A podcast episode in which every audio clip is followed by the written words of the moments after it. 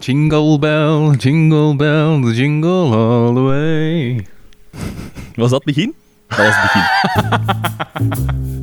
Welkom bij Mag er iets minder zijn. Hallo, welkom. Ja, Pieter Jan vanuit, eh, vanuit Antwerpen. De August Niederstraat 10 nog altijd, hè? Ja. Ja, Voor de, fan, voor de fans, als ze mij zoeken, ja, August eh, Niederstraat 10. Tweede verdiep. normaal, normaal zouden wij nu op, eh, op backpack moeten zijn. Ja, jong, ik ben slecht gezind. Inderdaad, normaal zouden wij nu... Allee, we zouden nu niet meer in het tentje liggen, we zouden aan het wandelen zijn. Maar eh, ja, dat is weer een schone avond en een schone nacht die door onze neus is geboord, hè. Ja, nuance, eh, nuance context. wij, wij doen altijd de 26e en de 27e december eh, een kerstbackpack. Eh drie koningen backpack, waarbij dat we verkleed als drie koningen in Dardenne rondlopen. Maar eigenlijk, op zich schonden we de regels niet, zouden we de regels niet geschonden hebben, maar wij vonden het niet opportun om zo kort na kerst en zo in deze ja, precaire Ja. periode toch met een aantal mensen te gaan backpacken. Ook al zouden we in ons eigen tentje gelegen hebben. En, eh, Ja, ja, en ook het feit, je moet er geraken. Hè. Eh, In Dardenne, je mocht dan niet met een auto, alleen toch niet samen met een auto, je moet dan met een trein. Het weer, je moet dan, hè, zo- zoals gezegd, ja, je hebt dan maar een éénpersoonstentje, dus je moet buiten zitten een hele avond als je nog wel wilt praten. Eh, nu het weer, hè, het regent, het waait, het was koud gisteren. Eh, dus ja, het waren zo wat de praktische problemen. Maar dat komt terug, hè, dat komt terug volgend jaar. Maar het is dat. Een kleine opoffering. Iedereen doet het. Allee, iedereen doet het. Ik denk dat... We gaan het erover hebben, hè. Coronamaatregelen. Ehm, Niet wat dat wij gedaan hebben met kerst, maar misschien eens even bespreken hoe dat de regering die kerstperiode heeft aangepakt. Het gaat, het gaat een, een aflevering vol azijn worden. Echt, ik heb azijn Ja, hij heeft, op- hopen, hè. hij heeft opgespaard, hij heeft opgespaard. Ja. En bij hem wil dat veel zeggen.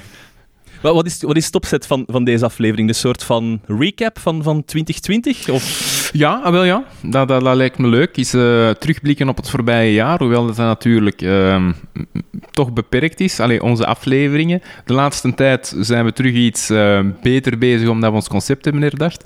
Voor de rest eh, lag, het, lag het wat stil. Maar ja, een terugblik op het voorbije jaar. ehm, Weet jij hoeveel minuten dat we aan podcast hebben gemaakt in 2020? Ah, een vraag. Eh, nee. Wacht, hè, maar ik denk, hoeveel afleveringen hebben wij gemaakt? Eh, vier, zes, ik zal zeggen een achttal. Ehm, dus ik ga 20 uur. 20 uur, ja, het is eh, 1000 minuten aan content. Nou ja, zoiets. Ah, wel ja, voilà, ja, ja. Nee, dat is uiteindelijk respectabel. Hè? Alleen toch in een coronajaar is dat eh, respect. Uiteindelijk, we zijn denk ik goed begonnen met ehm, eh, Bruno zeker. Dat was onze eerste aflevering van 2020 Oh ja. 20 Ja. over privacy en eh, big data en smart city. Eh, en dan Ruben, denk ik, dat we nog hebben gehad. En dat was, dat was het foutu, hè. Ruben Ja. over kanker dan. En, en dan, was het, eh, dan was het foutu. Maar we zijn, eh, ja, als je dat ook ziet, iedereen dat denkt dat, dat een coronajaar een goed jaar is voor podcasts, dat is totaal niet waar. Ik hoor het van iedereen die dan met podcasts bezig is, die zegt een zeer slecht jaar. Eh, mensen luisteren gewoon naar een podcast in de auto, op hun werk, in de file. En ja, nu blijft iedereen thuis en niemand luistert ernaar. Maar oké, dat zal uitgesteld beluisterd worden, vermoed ik dan. Eh, We hebben bijvoorbeeld vier keer zo lang nodig gehad dit jaar om hetzelfde aantal followers te krijgen dat we eh, vorig jaar nodig hebben. Dus gewoon echt vier keer zo, zo traag dat de followers erbij komen. Ja. Ehm, Ja, maar het is meestal ook de nieuwe content zeker, hè, die nieuwe followers aantrekt, nee? ja, Is de dat- nieuwe spreker. Hè. Ja, voilà, voilà ja, en dat heeft natuurlijk ehm, heeft wel stil. Uiteindelijk hebben we maar vier, vier sprekers gehad, zeker, dit jaar, in totaal. We hebben dan nog eens tussen lockdown 1 en Ja. lockdown 1 bis hebben we nog één gehad, hè, over Witloof. Eh Saris daar, Daan, Daan. Ja. En dan nog eens eh, na de 1 bis lockdown en voor de tweede lockdown dan hebben we nog eens, of de tweede golf, hebben we dan ehm, speleologie. Ja, met Björn van Staaien. Björn en van ik wil ook zeggen, ehm, welkom aan onze Nederlandse luisteraars, want hè, PG, een derde van onze beluisterde afleveringen, die komen uit Nederland. Ja, dat snap ik ook niet. waar dat die luisteraars vandaan komen, of wat die zo interessant, wat die zo interessant vinden aan eh, deze pod. Alleen, anderzijds, wij luisteren ook naar eh, de, de Rudy en Freddy show, hè. Ja, dus, ja, het is dat. ehm, ja, er Maar is, oké, er dat is- is wel...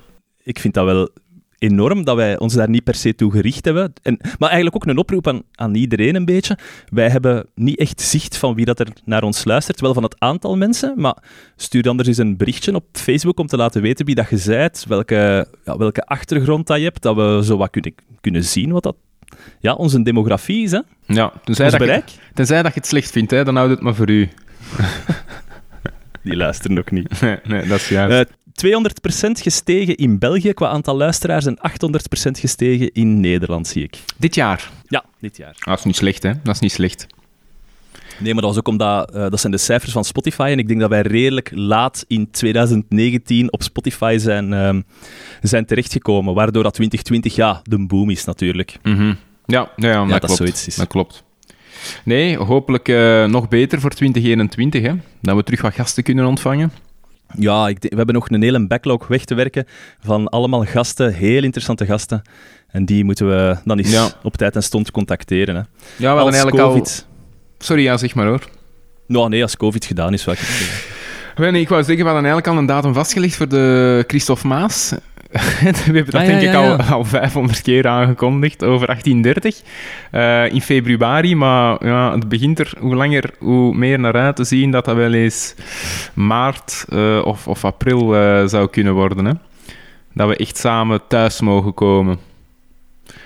Want oké, dat willen we ook inderdaad niet doen. We zouden dit in theorie kunnen dit ook doen met drie. Ik, ik zie wel veel podcasters die gewoon terug thuis aan het opnemen zijn, hoor. Ah ja, ja, dat inder- ja, inderdaad, er wordt dan nooit een vraag naar gesteld, maar dat, Nee, is, toch nee. niet, dat is toch absoluut niet volgens de regels. Bon. Nee, dat van die voetballers, terecht dat er daar eh, controverse over is. Hè, want die, die wanen zich ook heiliger dan de paus. Maar ja, Mhm. die podcasters die er ook gewoon voort bij hun thuis nodigen mensen uit. Ik vind dat zo wat bijzonder. Ja. Ja, Maar we gaan geen namen noemen, hè.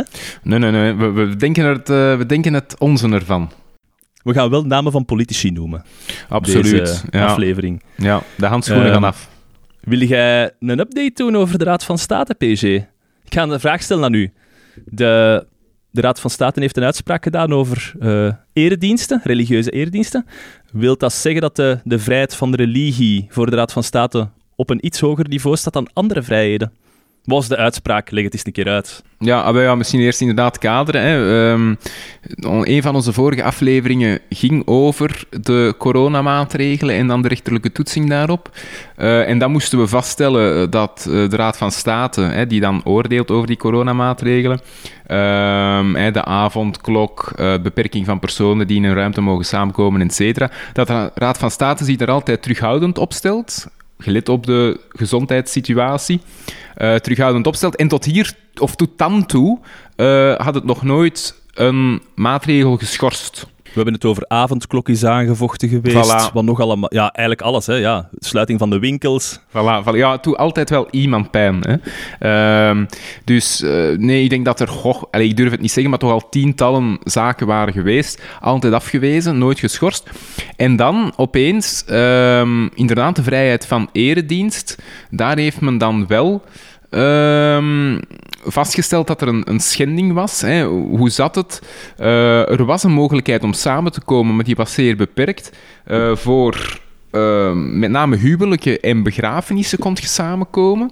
In het kader dan, oké, dat is natuurlijk ook ergens los van een erendienst. Kun je ook een begrafenis organiseren en trouwen. Maar dat werd dan ja, toch ook daarop betrokken. Voor een huwelijk kon je met vier personen samenkomen. Wat ergens ja, logisch is in de christelijk-traditionele zienswijze van een priester. Eh, sorry, met vijf personen kon je samenkomen. Eh, een priester, twee, eh, ja, het koppel en dan twee getuigen. Ja. Maar dat is de sombere trouw, hè. Dat is, dat is een, so- ja, veel... ehm, wat is het? Na, na, na, na, na. De Le Lac de Connemara, hè, veel gaat er niet bij. Dat Veel, is echt een zielige. dat is een zielige, dat is een zielige. Met die vuile zakdoeken corona beginnen rondsmijten in de lucht. Ehm, dus inderdaad, hè, dat was al beperkter. En begrafenissen, daar kon je met 15 eh, of tot 15 personen ehm, samenkomen. Dus er was wel iets mogelijk, maar bijvoorbeeld voor gewone erediensten, eh wekelijkse erediensten, was niet mogelijk. En daar werd dan ehm, wel ja, de mogelijkheid uiteraard gela- gelaten om, om via eh, social media hè, allee, of digitale media. ehm, die, die erediensten uit te zenden en zo te Laat me verspreiden. raden wat dat... laat me raden wat dat een van de argumenten was. Ja, die oudere mensen die hebben geen social media, dus die kunnen die erediensten niet volgen. Wel, het, Is het zoiets? Ehm, het was eh, aangespannen, de zaak was aangespannen door Joodse organisaties. Hè? Ah, Eh, specifiek. ja. dus bij hen zit inderdaad nog mee een, een groter probleem, blijkbaar dat dat niet, niet mag. Eh, ja, je weet, hè, Sabbat naar technologie versus Sabbat, dat, dat, dat ligt dan moeilijk. en je mag dan je licht niet aansteken, et cetera, en geen media gebruiken en ja, van allerlei dingen. Eh, dus dat was al niet mogelijk. Ehm dus ja, men heeft daar geoordeeld, de Raad van State heeft daar geoordeeld dat de vrijheid van eredienst te zeer werd, eh, te zeer werd ingeperkt. En ergens valt er wel iets, ehm, valt er wel iets voor te zeggen. Hey, het is niet zo, denk ik, dat de Raad van State daar ehm, eh, de, de appreciatiemarge van de overheid, hè, die het altijd aan de overheid laat, terughoudend, eh, om zich terughoudend op te stellen, dat het daar afstand van doet. Dat het ineens eh, veel scherper zou gaan toetsen en zich in de plaats gaat stellen van de overheid. Dat is niet het geval. De Raad van State heeft volgens mij enkel geconstateerd dat de overheid wel degelijk toelaat dat er meerdere personen samenkomen. Ehm, bijvoorbeeld bij begrafenissen. Dat er tot 15 man samenkomen. En misschien kun je daar dan tegenop werpen. Ah, ja, begrafenissen, dat is, iets, dat is echt iets speciaals. Hè. Daar laten we een ruimere uitzondering toe. Ehm, maar waarschijnlijk is dat een te beperkend... eh, of een te... eh, een visie die te veel uitgaat vanuit het, traditionele katholieke eh, standpunt en te weinig kijkt naar wat is voor andere godsdiensten, bijvoorbeeld voor het Jodendom, essentieel. Ja, omdat de religie daar misschien ook meer Voilà, ah, ja, dus bijvoorbeeld levensomvattend is. Of- heel, eh, ah, heel concreet, een huwelijk daar blijkbaar eh, moet je met tien mannen zijn. Oké, dat is daar een regel. Eh, als ik het goed eh, ja, dat weet ik dus niet. Dat vroeg, ik mij, dat vroeg ik mij ook af. Maar dus je moet daar met tien mannen eh, kunnen samenkomen. Ehm, het feit dat je hier volgens de vroegere regelgeving zei, ja nee, je, moet met, je kunt met vijf samenkomen, dat is natuurlijk geënt op ja, die westerse katholieke samenleving. Met vijf is voldoende eh, en houdt geen rekening met andere, eh, andere godsdiensten. Plus hè, dat je dus zelf eigenlijk al toegeeft als overheid, of die deur opent, dat je eigenlijk zegt, ja, in belangrijke gevallen 15 mag wel hè, bij die begrafenissen. Dus het zou, het zou anders zijn, ehm, want we mogen daar ook niet te veel eh waarde aan aan dat arrest, Allee, of te veel gewicht aan geven. Het zou anders zijn als er eh, volgens de, de religieuze regel dat je met 100 moet samenkomen. Hè, stel je voor dat de regel is, je moet Ja. met 100 een, een, eh, een orgie hebben. Ja, daar zou de Raad van State, neem ik aan, hebben gezegd Welke godsdienst is dat?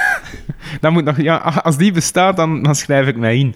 Eh, nee, maar dus dan had de Raad van State uiteraard geoordeeld non passeran. Het is dus heel concreet. Ehm je let ook op die, hè, dus die tien personen, dat de Joods huwelijk. En het feit, 15 personen werd blijkbaar mogelijk geacht. Dus, dus werd er gezegd dat, dat eh, ehm, de regeling de godsdiensten ongelijk behandelt of een ongelijk gevolg heeft voor verschillende godsdiensten. Eh, de, dat werd niet met zoveel woorden gezegd, denk ik.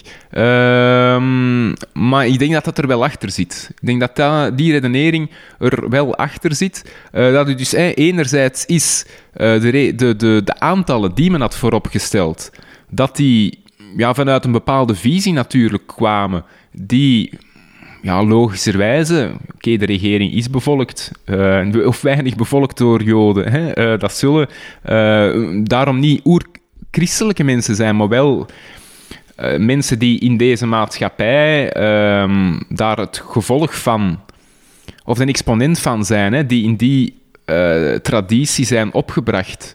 Ehm, hè, hebt, je hebt altijd christelijke roots. Ehm, die, die, die tradities, et cetera, die spelen mee. Ehm, dus ja, waarschijnlijk vanuit dat denken, die, die, die eh, christelijke tradities, katholieke tradities, zijn die aantallen eh, bepaald.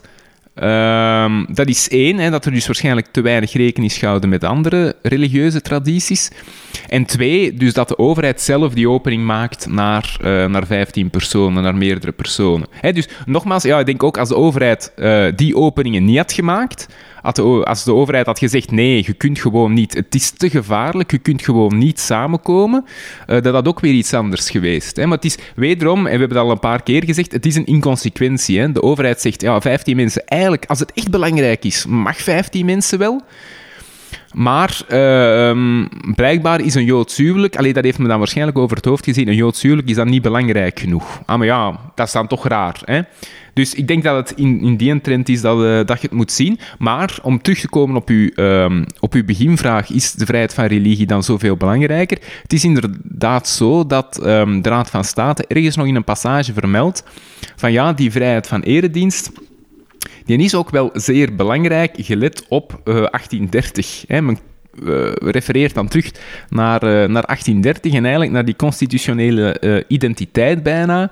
Omdat we ons toen hebben afgescheiden van, um, van, van Willem, hè, de Verenigd ja. Koninkrijk der Nederlanden. En een van de beweegredenen was ja, het, het katholieke, de katholieke identiteit, hè, die zich afzette tegen het protestantisme dan van het noorden.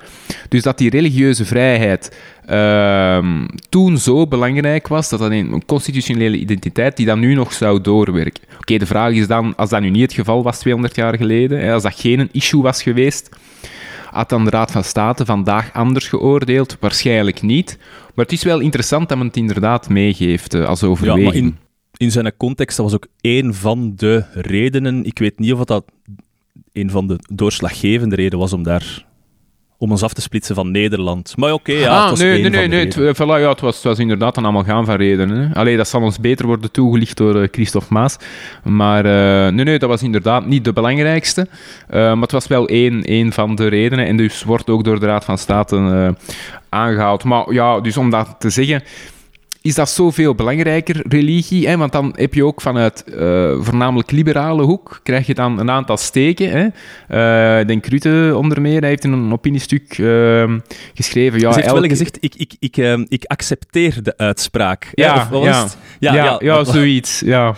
Maar, maar, toch, de Raad van State... Ja, voilà, want de Raad van State had het toch mis... Um, want uiteindelijk, uh, uiteraard is dat bevolkt door uh, um, een heleboel niet-wits. Nee, dat is natuurlijk niet het geval. Die mensen hebben er ook over nagedacht, neem ik aan. En misschien wel harder dan zij. Um, nee, ik, ik, allee, er valt op het eerste gezicht iets voor te zeggen. Hè. Wat is nu het verschil tussen een, bijeen, een religieuze bijeenkomst en een bijeenkomst in het kader van een cultureel gebeuren, een, een, een toneelstuk um, of, of een voetbalgebeuren, hè, uh, samen naar een voetbalmatch gaan zien? PC, voetbal is geen religie. Daar moeten we echt van beginnen afstappen. Ah, wel, voilà. Dus daar denk ik, dat is een zeer uh, conc in concrete beoordeling, maar ik denk dat je daar uh, het inderdaad correct zegt. Um, een religieuze het gaat allemaal over identiteit. Hè. Je kunt een identiteit als, als deel van een voetbalploeg, identiteit als religieuze identiteit. Als commerçant. Um, voilà. Um, of of uh, ja, culturo, hè. ballet, dat is mijn wereld. Ik leef daarvoor. Dat, is, uh, ja, dat maakt deel van uw identiteit. Ik denk dat dat allemaal sub-identiteiten zijn. Maar een religieuze identiteit, het is nu altijd gevaarlijk om in algemeenheden te spreken, maar zeker voor het Jodendom bijvoorbeeld, dat is allesomvattend. Dat bepaalt u een hele dag, dat bepaalt uw hele week. Om dat nu te gaan vergelijken met um, wat men wil doen, hè, met bijvoorbeeld inderdaad een voetbalmatch. Um, ik kan aannemen dat dat pijnlijk is voor mensen, dat ze niet meer kunnen samenkomen. Uh, in het kader van een voetbalmatch. Tough luck, vriend. Tough luck. Uh, ja, voilà. Uh, dat is één keer per, per week dat dat pijn doet, een paar uur. Van godverdikke, ik had nu in het café kunnen zitten met mijn maten, of ik had in het stadion kunnen zitten met mijn maten. Maar dat bepaalt uw leven niet. Uh, dus ik denk, wederom, het is een heel inconcreto beoordeling. En uiteraard zullen er wel mensen zijn, enkelingen zijn, die, waarvan die voetbalidentiteit wel hun leven bepaalt. Hè, die uh, als je hem vraagt wie bent u of wat bent u, die het eerste zullen zeggen, ah, ik ben supporter van de Antwerp. Nog voordat ik een Belg ben, nog voordat ik een Vlaming ben, ik ben supporter van de Antwerp of een Beerschot, whatever. Maar dat zijn natuurlijk, dat is de regel niet. Hè? Dat is de regel niet. Ik denk dat je dat met religieuze identiteit, die ook tradities hebben, die duizenden jaren teruggaan vaak, uh, zeker met het Jodendom dan, uh, dat je dat niet op eenzelfde lijn Um, allee, er is geen juist of fout hè, in die beoordelingen. Nee, ik, vind, ik vind dat duidelijk. Ik, ik vind dat er effectief wel een verschil is tussen die twee. Um, En het gaat hier ook niet over... Het gaat hier over een heel beperkte kring van gebeurtenissen. Hè? Een, een misviering, dat is ook niet... Dat is niet van ochtends tot avonds. Hè? Dat is niet gelijk als de openingen van de winkels die dat de hele Ja. dag doorgaat. Hè? Het is Ja. een, een, selecte hoeveelheid van bijeenkomsten waar dat het hier over gaat. Dus proportioneel is dat ook weer al beperkt. Ja, ja, voilà. En het is dan uiteindelijk... ehm, die inconsequentie heeft me dan ehm, aan de kaak gesteld. Eh, dan is het aan de overheid geweest hè, om daar een oplossing voor te vinden. En dan heeft me uiteindelijk nu, eh, als ik het goed heb, gewoon eh, de vrijheid van eredienst, alleen of religieuze bijeenkomsten, eh, opgetrokken naar eh, 15 man, maximum 15 man. Hè. Dus eh, je kunt nu altijd met, met 15 man ehm, bijeenkomen. Dat is natuurlijk nog iets helemaal anders dan eh, met duizend man hè, in een voetbalstadion. Dus dat, je kunt dat... Ik denk, je moet heel in concreto gaan eh, kijken. Eh, misschien daar nog een aanvulling op. Enkele dagen geleden is er ook een nieuw arrest gewezen.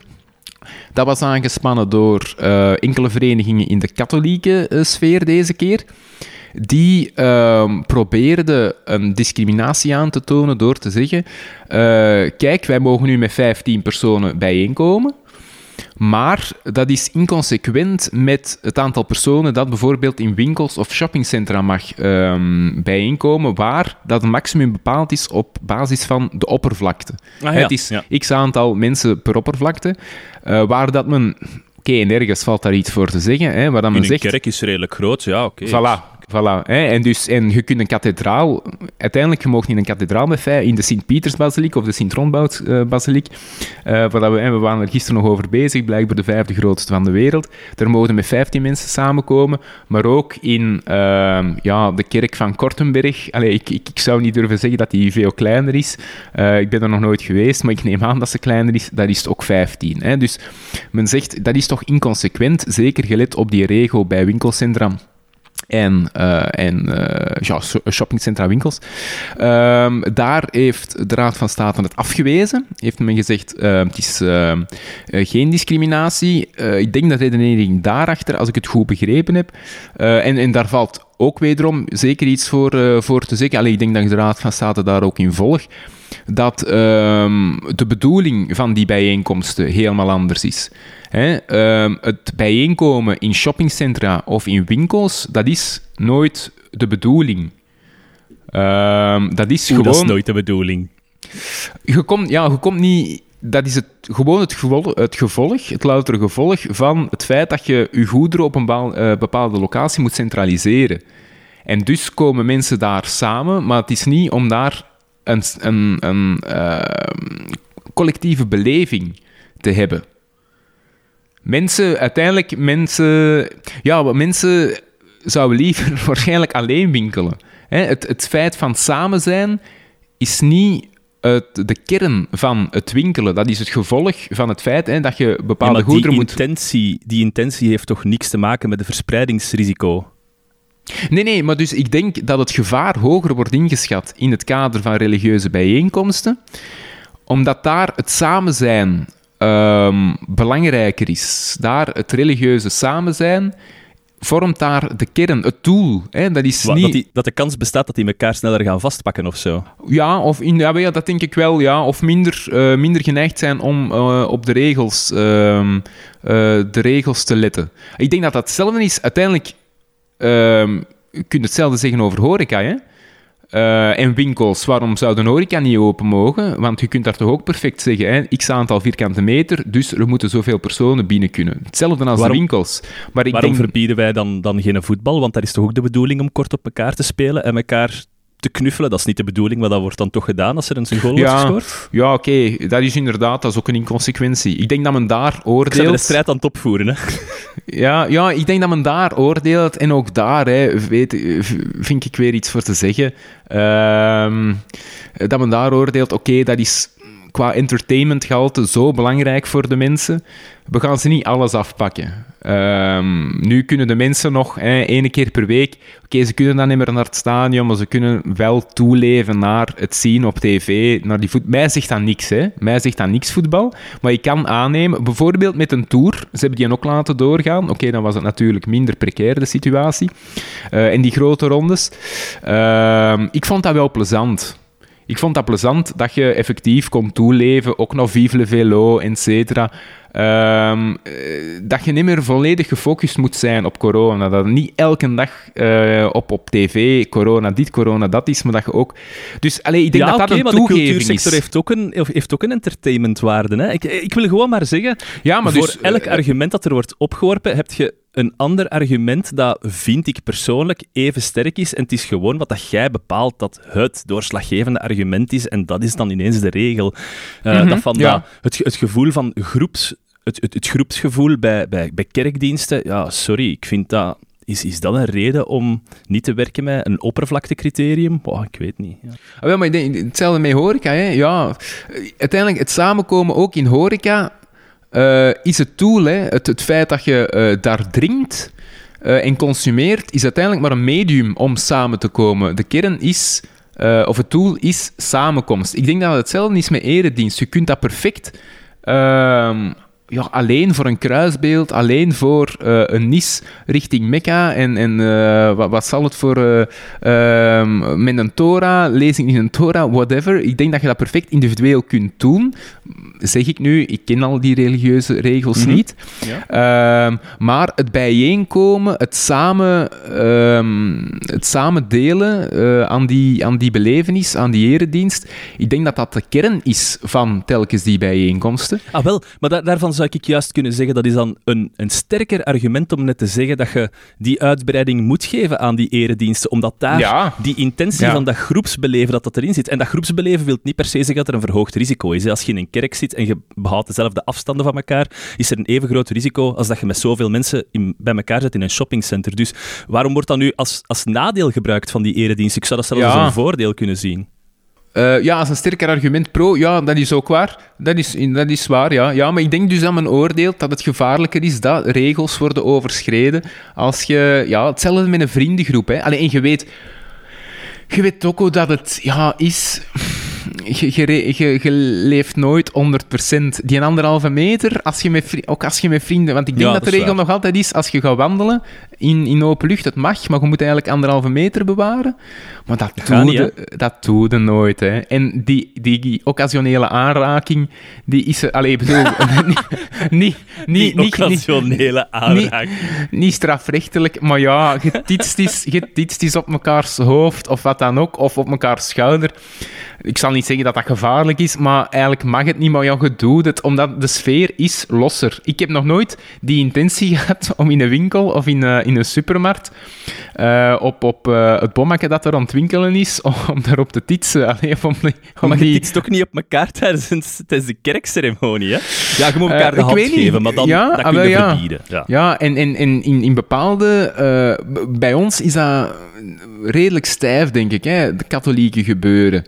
Inderdaad, Ja, ja, buiten dat ja, hand geven. Maar ik, ja, ja, ik ben eens ene keer naar een protestantse dienst geweest...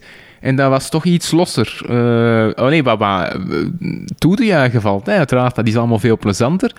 Eh, maar dus ja, ik, ik kan mij inbeelden dat dat een overweging is. En, je hebt absoluut 100% gelijk. Hè. Moet dat dan een beslissende overweging zijn? In de zin van juist fout? Nee, nee, absoluut niet. Je kunt denk ik 100, argu- eh, 100 argumenten aanhalen die, die het tegenovergestelde, waar dat de conclusie tegenovergesteld kan zijn. Eh, maar je hebt hier gewoon geen juist fout, denk ik. Je moet dat is ergens... Denk, uw, uw, uw grens die je afbakent is altijd ergens... Daarom niet arbitrair, maar niet een goddelijk, een natuurlijk gegeven. Van dit is de logica. Nee, ik denk het niet. Ik denk, je gaat altijd ehm, met, een- met een bepaalde inconsequentie zitten. Ja, het is dat. De Raad van State geeft daar ook zijn oordeel over, maar dat wil niet zeggen dat dat het juiste oordeel is in, in hoofden van mensen met een ander normenpatroon of zo. Eh, Nee, ja. voilà. voilà. Wel, en daar stoor ik mij dan soms aan dat je inderdaad al die kritiek van op de overheid, ehm, van alleen het is, het is niet eh, consequent en het is incoherent, et cetera. Ja, Oh, ja. maar dat is mijn volgende puntje van... we ja, wel, ja, maar ja, ik kan dan nu het woord laten dan. Maar ik denk, ja, je kunt niet buiten een zo... Zeker nu in dit sta, er zijn geen draaiboeken. Hè. Er, is die, er is ineens een pandemie. Ehm, Oké, je Ja, kunt zeggen, ja. er waren precedenten met SARS-virus. Ja, ja, absoluut. Oké, oké. Maar er zijn geen draaiboeken. Draaiboeken. En dat de overheid dan ook maar wat probeert en ook maar wat, ja, soms in het duister tast. Ja, ik heb daar wel begrip voor. Ik heb daar wel begrip Ja, voor. ja, ja, ik ook, ik ook. Maar niet voor inconsequent beleid, wat dat we straks zullen bespreken. Ja, ja, ik kijk er al naar Eh, uit. Maar dus ja, ja. dat was, eh, dat was het, het Luiksgeraad van Staten en de. Eredienst. Ja, je gaat dat blijven opvolgen hè, voor ons. Absoluut, Ik heb, eh, absoluut. Ik heb hier ook een luiksje staan over de betonstop. Hola, ehm, hola. Juist, er is een akkoord. Ja, ja. Weet je nog dat er een week, naar buiten werd, naar, een week geleden naar buiten werd gekomen van... eh, er is een akkoord over de betonstop? Tuurlijk, tuurlijk. Ik heb eh, de champagne gekraakt. Ah, wel, maar ik ga u een vraag stellen. Ik heb vorige keer gesproken over de betonstop. Leek u dat een afgewerkte ontwerpregeling? Nee, nee, dat nu ook weer niet. De Nee. vraag stellen is te beantwoorden, natuurlijk. hè? Ja, ja, er leken nog wat de lacunes. Ja. Ja, ehm, die is dus grotendeels behouden gebleven. En heb toch wat meer nagedacht. Er is ook meer geschreven over de echte pijnpunten van die regeling. Want ja, eerst werd er niet al te veel over geschreven, want het is een ontwerpregeling die belangen niet zeker gaat doorgevoerd worden. Maar nu is er blijkbaar een akkoord en nu komt iedereen op de proppen en zegt, ja, maar hé mannen, er zijn echt wel problemen. Dan denk ik, ja, werp die vroeger op, hè. Dan... eh, dus er is een akkoord ehm, over die betonstop. En misschien moet ik nog eens even kort toelichten in een nutshell, wat is dat juist? Hè? In Vlaanderen zitten wij met 13.000 kilometer aan lintbebouwing. Dat is dus van hier tot in Zuid-Afrika. Ik heb geprobeerd om een aantal andere referenties in te beelden, maar ehm, ja, Google Maps wou dat gewoon niet berekenen voor mij. Ik had zo gezocht naar Noord-Korea enzovoort en het uiteinde van Rusland, maar die Ja. wou dat niet berekenen voor mij. Dus het is echt, ja, Godverdekke zeg. wij zitten met het probleem dat er... Wij zitten met een geweldig probleem dat er gebouwd wordt, waar dat er eigenlijk niet gebouwd zou moeten worden. Het is die... Ja, we, we, hebben, we hebben gisteren een wandeling gedaan buiten in de velden en dan zie je nog eens, in Vlaanderen zijn er velden, maar dat zie je niet als je met een auto rijdt, want als je met een Ja. auto rijdt, passeerde alleen maar huizen. En Ja, die huizen die liggen altijd op een ambetante plaats, want daar ligt dan geen fietspad en daar moet riolering tot daar getrokken worden en, en die straten moeten deftig worden onderhouden. En elke want plaats... Hoe, Ja, zeg maar. wat- de, de, de factor, ik heb dat toen gezegd, de factor eh, qua meerkost om een riolering aan te leggen of nutsvoorzieningen aan te, eh, nutsvoorzieningen aan te leggen op de buiten, alleen even in het kader van een uh, lintbebouwing, tegenover eh, in, in stad of in een dorp. Hoeveel is, was eh, dat? 10 tot 20 keer duurder. Oké. Ja. Dus als ik een huis bouw in de stad, betaalt je daar 10 à 20 keer minder voor. Nee, het is, het is, het is anders dat je het moet zetten. Eh, met een, de kosten van mijn buurman... ehm, nee, de, de kosten van iemand die dat bouwt in een ver afgelegen gebied, dat is, wij betalen daar als maatschappij, als maatschappij 10 à 20 Mhm. keer Ja. zoveel voor. Ja. Eh, voor dezelfde ingreep, wat dat dus wel eh, enorm is.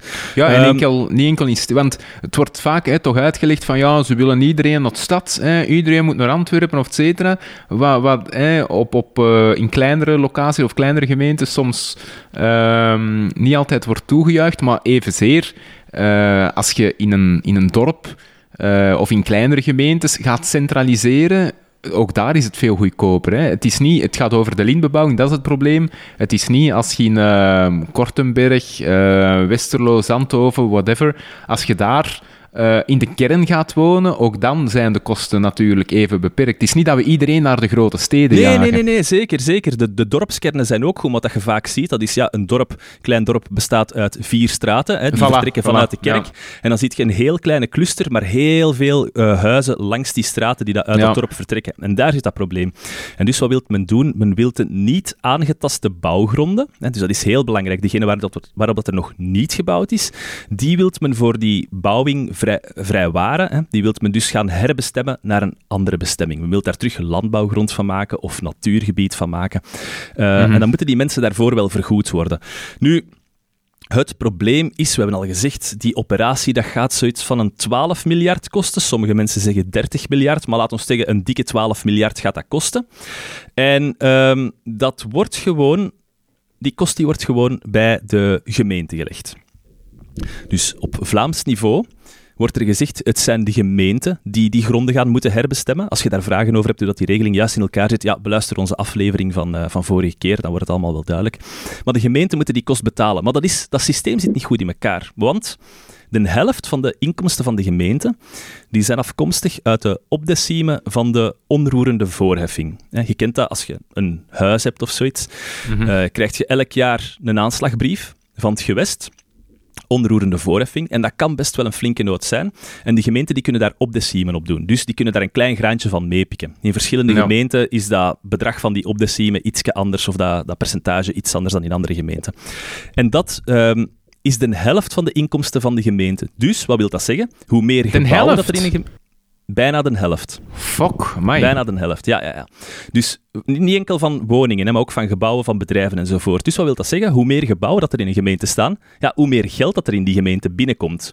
En er is een soort van perverse, vicieuze cirkel die dat er ontstaat.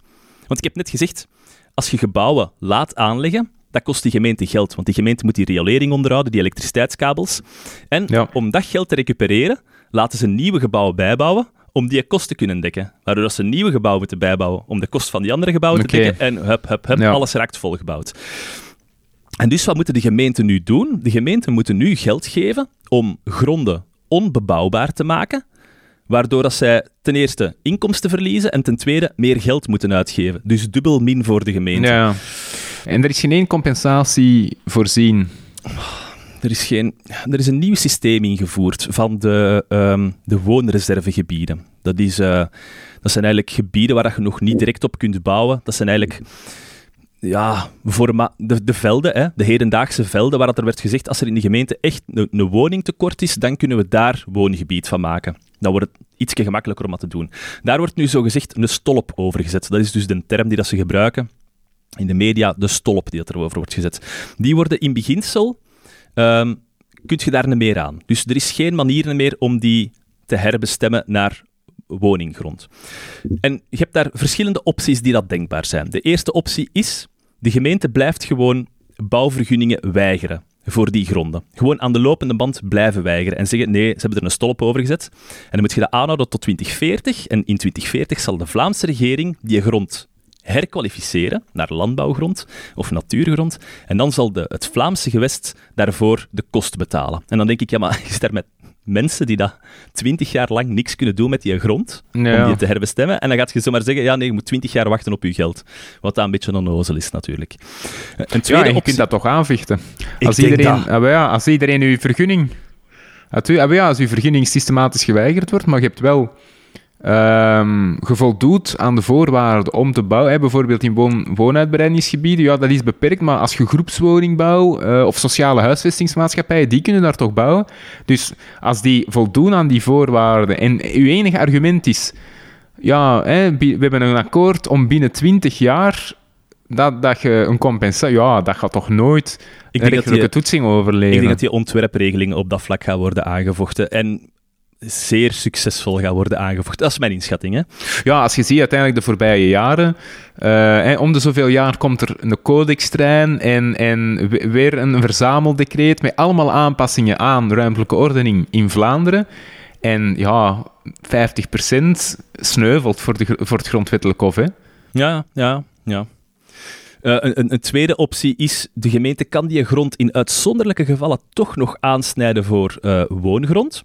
Maar dan moeten ze wel verstrengde motivering hebben en een, een groter openbaar onderzoek. Dus onder bepaalde voorwaarden is het toch nog mogelijk. Of de gemeente kan gewoon op eigen, op eigen initiatief zeggen, nee, we maken daar gewoon permanent een landbouwgrond van of een natuurgrond, maar dan betaalt de gemeente wel de kosten. Dus dat is zo van, ja, de gemeente heeft geen enkele incentive om stappen te nemen. Dat is net het ganse punt. Hè. We hebben gezegd, die een betonstop die moet er komen tegen 2040. En dat moet een uithoofdscenario zijn.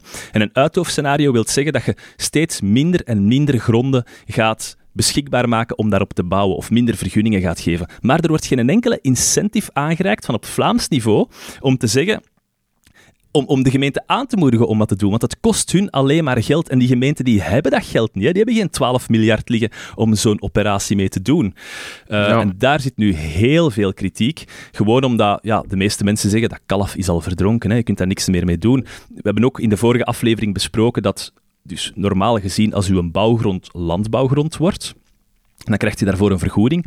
En die vergoeding die wordt nu 100% van de reële marktwaarde verliest. Terwijl het eigenlijk Juist. niet nodig is. Ja. Juridisch gezien heb je maar 80% nodig. Maar de Vlaamse regering wil iedereen op één lijn krijgen, wil de bevolking meekrijgen en daarom zeggen ze 100%. Dus ze verhogen het, allee, ze maken het nog een keer moeilijker voor de gemeente om die bedragen te kunnen betalen. Dat is by the way, maar een uitzonderingssituatie in Europa. Hè. In Europa is er bijna nergens een regeling waarbij er aan marktwaarde wordt gecompenseerd voor de schade die dat je oploopt door die herbestemming. Saillant detail. Als uw landbouwgrond een bouwgrond wordt, dus de tegenovergestelde beweging, dat wil zeggen dat uw grond meer waard, meer waard wordt door daar niks op te doen, dan moet jij daar een belasting op betalen. Uiteraard, een soort van belasting, want jij hebt dat eigenlijk gekregen zonder dat je daar echt recht op had, hè, op die waardevermeerdering. Maar dat is maar 25% op de eerste 250.000 euro. En op al de rest is het 50%. Dus als je in waarde verminderd wordt, dan krijg je 100% terugbetaald. Maar als jij uit het niets meerwaarde krijgt, dan moet je daar maar 25 of 50 procent op betalen. En ik snap het, hè. stel nu voor dat jij een landbouwgrond hebt en ineens wordt dat bouwgrond en je moet 100 procent van de reële meerwaarde betalen aan belasting, ja, dan kun je dat waarschijnlijk niet betalen of zo. Of dan gaat je die grond gedwongen moeten, verkopen, om die een belasting te kunnen betalen. Maar dat verschil is toch wel groot, hè? Um, ja, absoluut. Ik had nog iets anders. Dus uh, tijdens, tijdens de vorige aflevering had ik iets gezegd over... Wij moeten nadenken als maatschappij over hoeveel dat wij willen betalen voor speculatieve meerwaarde. Een mens houdt een grond in zijn eigendom, een bouwgrond, maar doet daar niks mee voor 30 jaar. Met de bedoeling om daar geld uit te krijgen. Ah ja, want hè, over 30 jaar wordt die een bouwgrond meer waard. En uh, ik hoor Koen van den Heuvel nog zeggen, we moeten een correcte vergoeding geven voor de Vlamingen die dat hun bouwplannen in het water zien vallen. Maar daar, daar zit het probleem.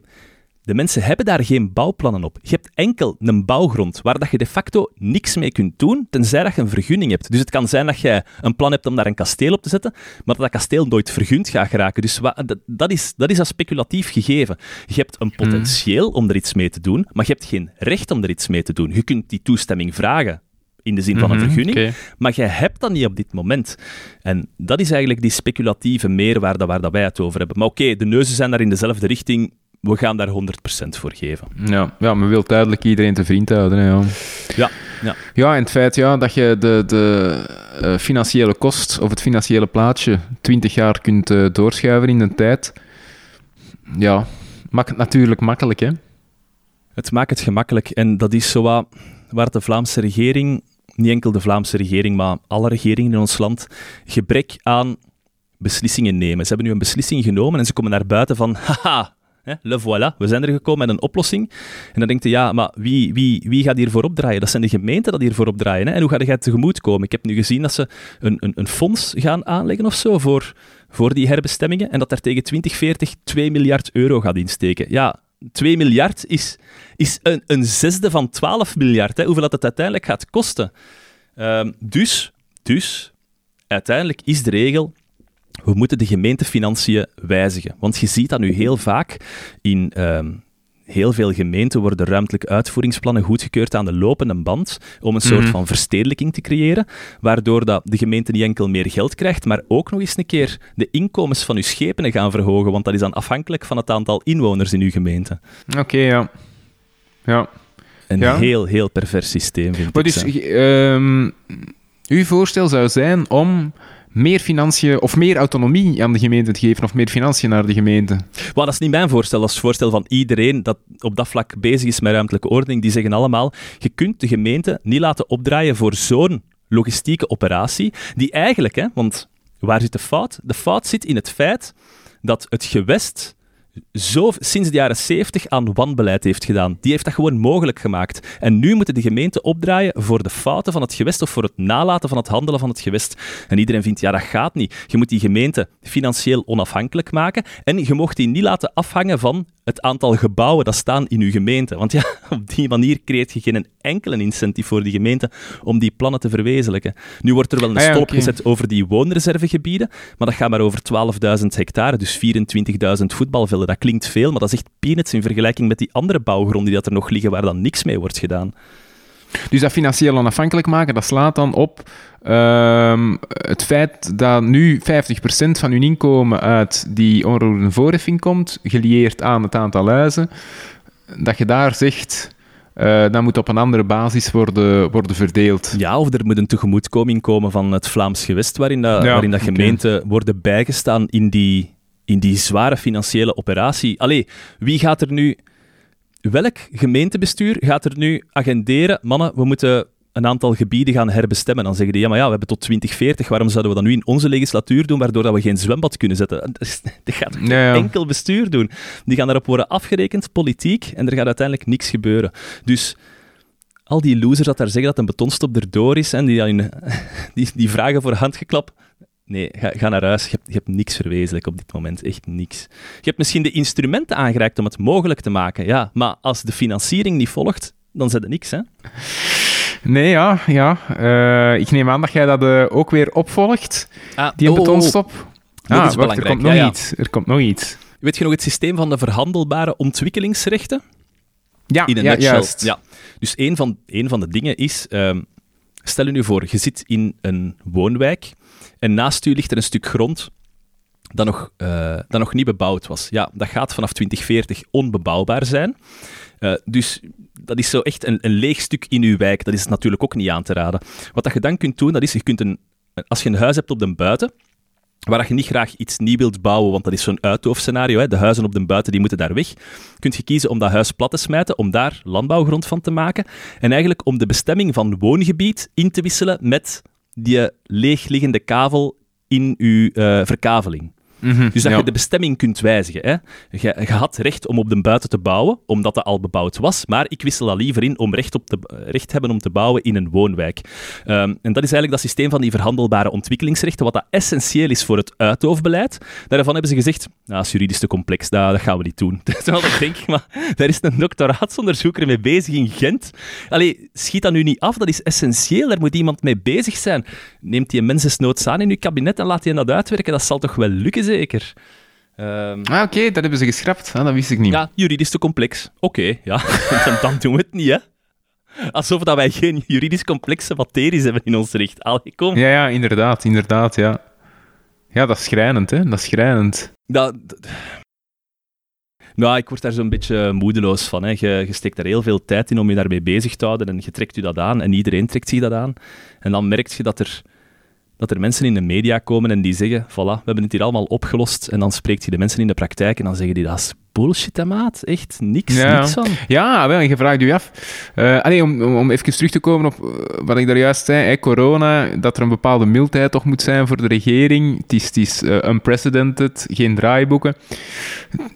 Hier vind ik inderdaad dat je wel inderdaad kritiek mocht geven. Hè. Dat is dan een, een, een, ehm, een dossier dat al zo lang aansleept en waar dat inderdaad de overheid telkens blijkbaar mee hetzelfde komt, maar nooit het eh, goed, goed uitdenkt. Hè. Allee, je hebt nu ook met ehm, de beroepen bij de, de, Raad voor, Vergun, de- voor Vergunningsbetwistingen, hè, de rechter die uitspraak doet over vergunningsbeslissingen. Eh, als een vergunning geweigerd wordt of een vergunning wordt toegekend, kunt jij beroep instellen bij de Je Raad krijgt voor een vergunning voor een windmolen en dat wordt dan aangevochten bij de Raad voor Vergunningsbetwistingen. Bijvoorbeeld, bijvoorbeeld. Eh, hè, dat daar men probeert dat wat te beperken, dat je naar de rechter kunt, omdat het al veel mensen, dat is natuurlijk, ja, mensen worden mondiger, mensen kennen hun rechten, Eh, dus er- ja, tegen alles, tegen alles wordt beroep ingesteld bijna. Hè. Eh, zeker tegen een windmolen, garantie dat je naar de rechter gaat. Eh, en we willen dat dan wat proberen te beperken, die mogelijkheden wat proberen te beperken. Nu, in de vorige, vorige legislatuur heeft men dan geprobeerd de regel in te voeren, zeggende, ja, als jij in het openbaar onderzoek, er is altijd, is meestal een Dus openbaar is dat geel onderzoek. papier dat wordt aangehangen en dan kun je je bezwaar bij de gemeente eh, te kennen Voilà. geven. Dus als je dat niet hebt gedaan, als jij geen bezwaar hebt geformuleerd, dan moet er nadien ook niet meer komen zagen hè, tegen eh, een, ver- een verleende vergunning. Dus men probeerde daar een soort van eh, responsabilisering van de burger, die toegangsmogelijkheid tot ehm, de rechter of bestuurlijk beroep, rechterlijk beroep, om dat te beperken. Daar heeft het grondwettelijk hof gezegd, hè, wederom, eh, non passeran. Ehm, nu, de regel die je voor... Allee, of een van de mogelijke vernieuwingen, vernieuwingen tussen aanhalingstekens die voor ligt, ja, is inderdaad weer hetzelfde. Hè? Mag jij? Dus, dus dan dat je denkt, allee, ja, we gaan dat nu nog eens proberen. Oké, men- en nog andere dingen dat men probeert. Maar dus is er dan niemand juridisch die, die zegt of durft te zeggen van ja, maar dat is nu toch vrij raar dat we dat Maar nog eens gaan Snappen die proberen. dat nu niet? De, de reden waarom dat een windmolenproject zo lang duurt om van de grond te geraken, is niet omdat er de mensen te veel bescherming hebben, waardoor dat ze naar de rechter kunnen gaan. Nee, dat is omdat de regelgeving niet in orde is. Als jij de regelgeving breder maakt... Allee, Ja, je kunt ja, toch niet voilà. zeggen, de oplossing is, de mensen mogen niet meer naar de rechter gaan. Was er jij bezig? Allee, Nee, nee, nee. En het, ook, pas op, eh, de, de, de burger moet actief zijn. Hè. De, allee, je kunt niet verwachten dat hij passief is en op het laatste moment gaat zeggen hey, er is hier een probleem, ik snap het, hè. de intentie is goed. Maar daar ligt niet de kern van je probleem. Hè. De, pro- de kern van je probleem ligt is, je moet deftige regelgeving maken en dan vloeit de rest daar wel uit voort. Ja, ja, absoluut. Ja, en als je soms ziet vergunningsbeslissingen, hoe dat die worden gemotiveerd, hè, want het is natuurlijk aan de overheid, eh, dat is een van de basisbeginselen in administratief recht, hè, dat een overheid moet motiveren, zeker individuele beslissingen, moet in de beslissing blijken, of uit de beslissing moet blijken waarom iets wordt besloten, waarom iets wordt vergund. Hè. Je moet dat motiveren. Lijkt, lijkt logisch. En dat je dan ziet dat, dat besturen die daar ehm, je zou toch mogen verwachten, daar een hele expertise in opbouwen, hè, die niks anders doen, jaar in, jaar uit, dan die eh, beslissingen nemen. Eh, dat je soms ziet hoe schabouwelijk dat dat dan toch nog gemotiveerd is. Ehm, Vaak een ctrl-c, ctrl-v uit vorige vergunning. Gewoon exact Ja. hetzelfde overgenomen. Ah, maar ja, dat is, ja, dat, dat dan... Allee, inderdaad, daar ligt het probleem. Hè. Daar ligt het probleem. Ehm, niet het feit dat iemand het aanvecht, maar gewoon dat je, je loslopend wild. Het is, het, is, het is te gemakkelijk om er niet op te schieten.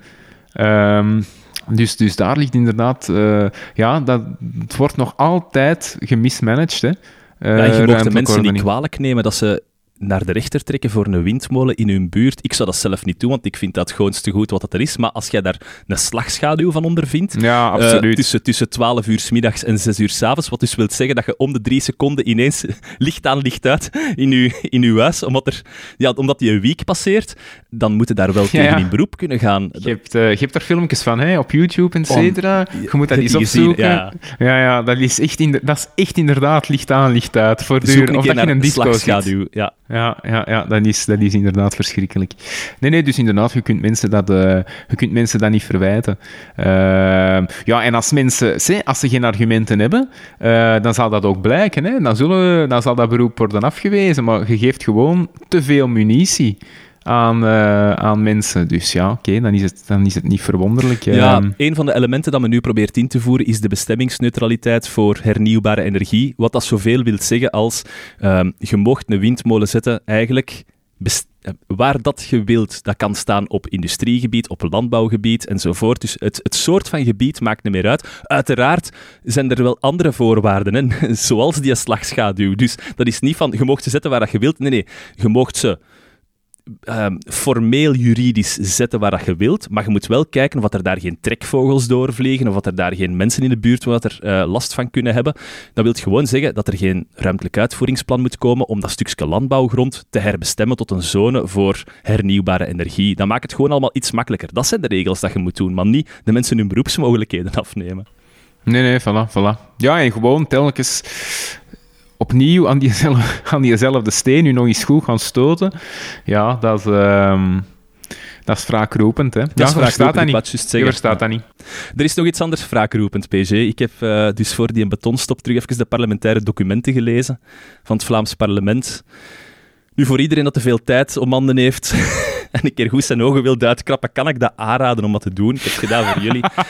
Maar dus, er is een tendens en dat is dus eh, de opkomst van extreem rechts. Ik wil het daar ook even over hebben, want... ehm, Iedereen zegt, waarom is het nu zo, zo gevaarlijk dat extreem rechts opkomt? En ja, oké, je ziet dat in, in, in landen gelijk als eh, Hongarije. Ehm, kijk, als, als, u, als uw regering, stel u voor dat extreem rechts in uw regering zitten en die maken een domme maatregel, dan kan de Raad van State altijd zeggen, nee, nee, we schrappen die maatregel of het grondwettelijk hof, omdat die in strijd is met een aantal fundamentele rechten. Maar als jij in uw in uw partijbestel of in uw, in uw regering begint te zeggen we gaan de regels van de Raad van State en van het Grondwettelijk Hof aanpassen dat de, de linkse pokko's er meer kunnen inzitten, dan heb je pas een probleem. En dat is, dat is een terechte opmerking. Dat is een terechte opmerking die kunnen... En dat is, maar dat is bij iedereen zo. Hè. Dat is bij elke partij. Als die te sterk worden, kunnen die het democratisch bestel uithollen door bijvoorbeeld de rechterlijke macht opzij te zetten. Maar er is nog een ander probleem en dat is de verlamming van uw maatschappelijk debat. Wat wil ik zeggen? Je hebt al gehoord, die betonstop, dat is hier een van de meest juridisch-technische ehm, eh, dossiers die dat wij gehad hebben in ruimtelijke ordening in de laatste twintig jaar. En wat ziet je dan in die teksten van het parlement? Dan staat daar zo, we zijn super technisch bezig, hè? En dan... Ah, sorry. Ik moet er echt gewoon om lachen. Hè. En dan zie je ineens Sam van Rooij en die zegt daar, ja, ik zou even het woord willen nemen alsjeblieft. Het is allemaal de schuld van de zwetten. En dan denkt hij, maar wat is dat hier nu? En iedereen gaat daar dan op in, maar allee, dat kun je toch niet zeggen, dat kun je toch niet zeggen. En dan Mieke Schouwvliegen van Groen. Maar meneer Van Rooij, het is helemaal niet de schuld van de Zwet. Het is de schuld van een blanke Vlaming dat op buitengebied gaat wonen. En dan, ja, je bent met het belangrijkste dossier op ruimtelijke ordening bezig van de laatste twintig jaar. En gaan we nu echt dit gesprek hier gaan hebben? Echt dit gesprek voeren? Ik word... ja. Nee, nee, je hebt gelijk. Ja, ik heb uh, het stukje stond ook op Twitter uh, dat ik gezien heb van uh, de verslagen van de parlementaire debatten. Ah, ja, en het, ja. was, het was effectief... Over ja, de betonstop. Ja, ja, dat, dat ik gezien ja. heb. Ja, ja, ja. Het was gewoon ja, één plaat hebben. Hè. Eén plaat hebben en, en op alles, op alles, in, ja, voilà, op alles inpikken. Je verstaat er niks van. Ehm, dat is ehm, ja, als een slechte student op een examen. Hè. Ik, ik weet niks van de vraag, maar ik zal, ik zal niet zo lullen. Misschien, misschien hè, dat, dat het niet opvalt. Misschien dat het niet opvalt. Ik, ik, over iets dat ik wel weet, ja, daar zal ik het nu allee, denk, denk te weten.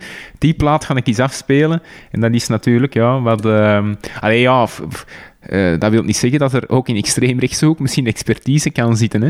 Eh, ja, maar laat dat dan blijken op een inhoudelijk niveau. ah, ja, voilà, voilà. Dus, eh, ja, Want ik ga niet zou- zeggen dat hij er niks van kent van dat dossier, maar waarom dat argument Ja, nee, dat denk opwerpen? Kijk, als dat je dat ik wel, argument dat van opwerpt, kent. als je dat argument opwerpt, heb je twee manieren om daarmee om te gaan. Oftewel, ja, verbazing, hè, en zeggen, maar dat kan toch niet? Ehm, iedereen dat zich daartegen verzet en er tijd aan verliest, of het straal negeren. En ik heb de twee, de twee opties gezien in de parlementaire debatten. Er zijn een aantal mensen die dat daar gewoon niet op ingaan. Er zijn een aantal mensen die dat daar wel op inpikken en zeggen, dit kan niet. Hè. We zijn een beetje een jaaroverzicht aan het houden, dus mag ik nog even verwijzen naar eh, Dominique Sneppe van Vlaams Belang, volksvertegenwoordiger, die zegt... Eh holibies die trouwen en kinderen krijgen, dat vind ik een brug te ver. Dat is in de zomer, denk ik, een, eh, een hot topic geweest dat hij dat zei. Ja, hoe moet het daarmee omgaan als een volksvertegenwoordiger dat zegt? Als maatschappij zijn we verder. Als maatschappij hebben we besloten, dat kan, dat debat is gevoerd, dat debat is afgesloten.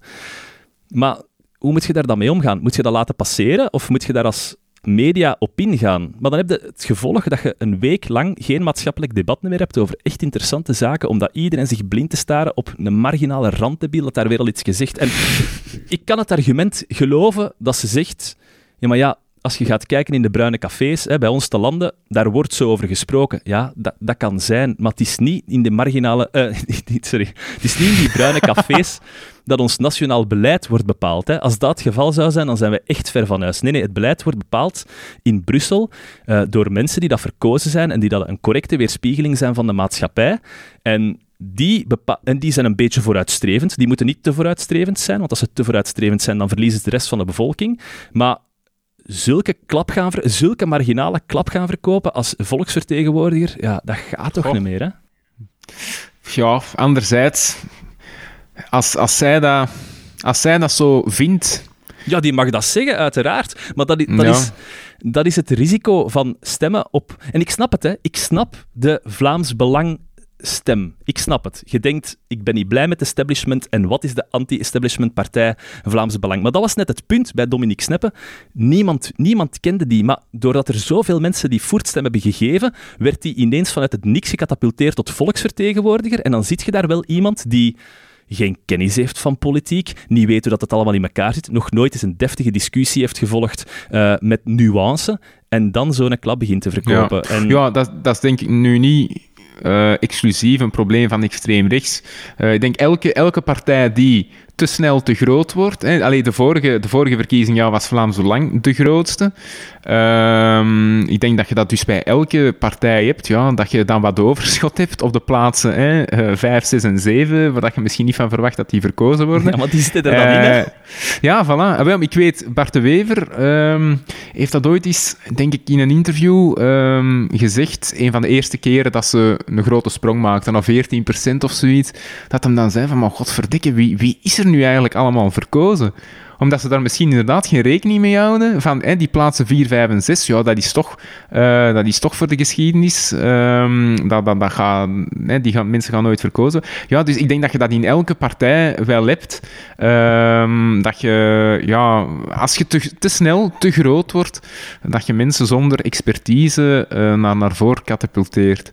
Dus ja, en, en dat dat daar mening is, allee, oké. Ik vind, je kunt daar dan niet verwijten. Je kunt mensen, mensen die nu, die mensen die op Vlaams Belang hebben gestemd, en die nu verrast uit een hoek komen. Hè? Mensen die op haar hebben gestemd en dan verrast uit een hoek komen van uh, wat is deze? Ja, die, die mensen kunnen het denk ik verwijten. Hè? Dan heb je niet genoeg research gedaan. Oké, dat denkt ergens samen ook met de manier waarop dat je stem hier uitbrengt hè, in België. Uh, dat dat te veel partij is, te weinig op de persoon. En, dat debat kun je allemaal voeren.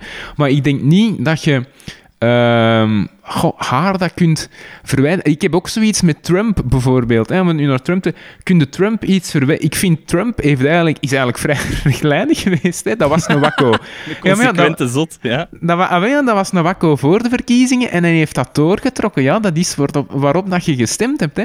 Het is, je moet niet Trump iets verwijten, je moet de mensen verwijten, het middenveld verwijten, de republikeinen verwijten, de gevestigde waarden tussen aanhalingstekens, de Mitch McConnell bijvoorbeeld, hè, uh, de Lindsey Graham, die daarmee gaan samenhokken. Die inderdaad hun principes, als ze al principes hebben, die volledig verlogen om ja, tal van redenen om, om dichter bij de macht te zitten, et cetera. Ik denk, het gevaar, het gevaar voor de democratie komt nooit van de zot. Je hebt altijd zotten, die gaat het altijd hebben. Um, daar komt het gevaar nooit van. Het gevaar komt als redelijke mensen hun principes overboord gooien om met een zot te gaan meelopen. Dan ontstaat het Donald gevaar. Trump wel veel credits, hè? Dat het, dat, het, dat het allemaal een show is, een masquerade. Nee, nee, nee, nee. Ik denk dat dat... Nee, nee. Uh, dat, want dat hoort ook soms dat, dat Trump de meest briljante politicus is van zijn generatie. Ja, dat hoorde, dat ja. denk ik dus... Uh, ja, dat denk ik dus absoluut. Trump heeft gewoon... Trump is die spreekwoordelijke chimpansee in, in 20 miljoen chimpansees die gewoon de random op een uh, toetsenbord te, te, te, te slaan, die een boek schrijft. Ik denk, Trump voelt de, de tijd aan. Blijkbaar doet hij iets wat heel erg aanslaat, maar Trump weet niet waarom dat hem dat doet. Trump kan zich niet aanpassen. Ik denk dat dat geen, geen een truc is van Trump. Trump is gewoon Trump. Dus nee, ik geef hem denk ik niet te veel krediet, maar ik, ik denk gewoon, ja, het is wat het is. Uh, hij, is hij, hij heeft zijn denkbeelden. Allee, ja, als dat zijn denkbeelden zijn, je kunt daarmee niet akkoord gaan, hoop ik, hè, dat je er niet mee akkoord gaat. Um, uh, maar ik denk dat daar het gevaar niet, niet van komt. Hè. Ook in West-Vlaanderen, oké, iemand die...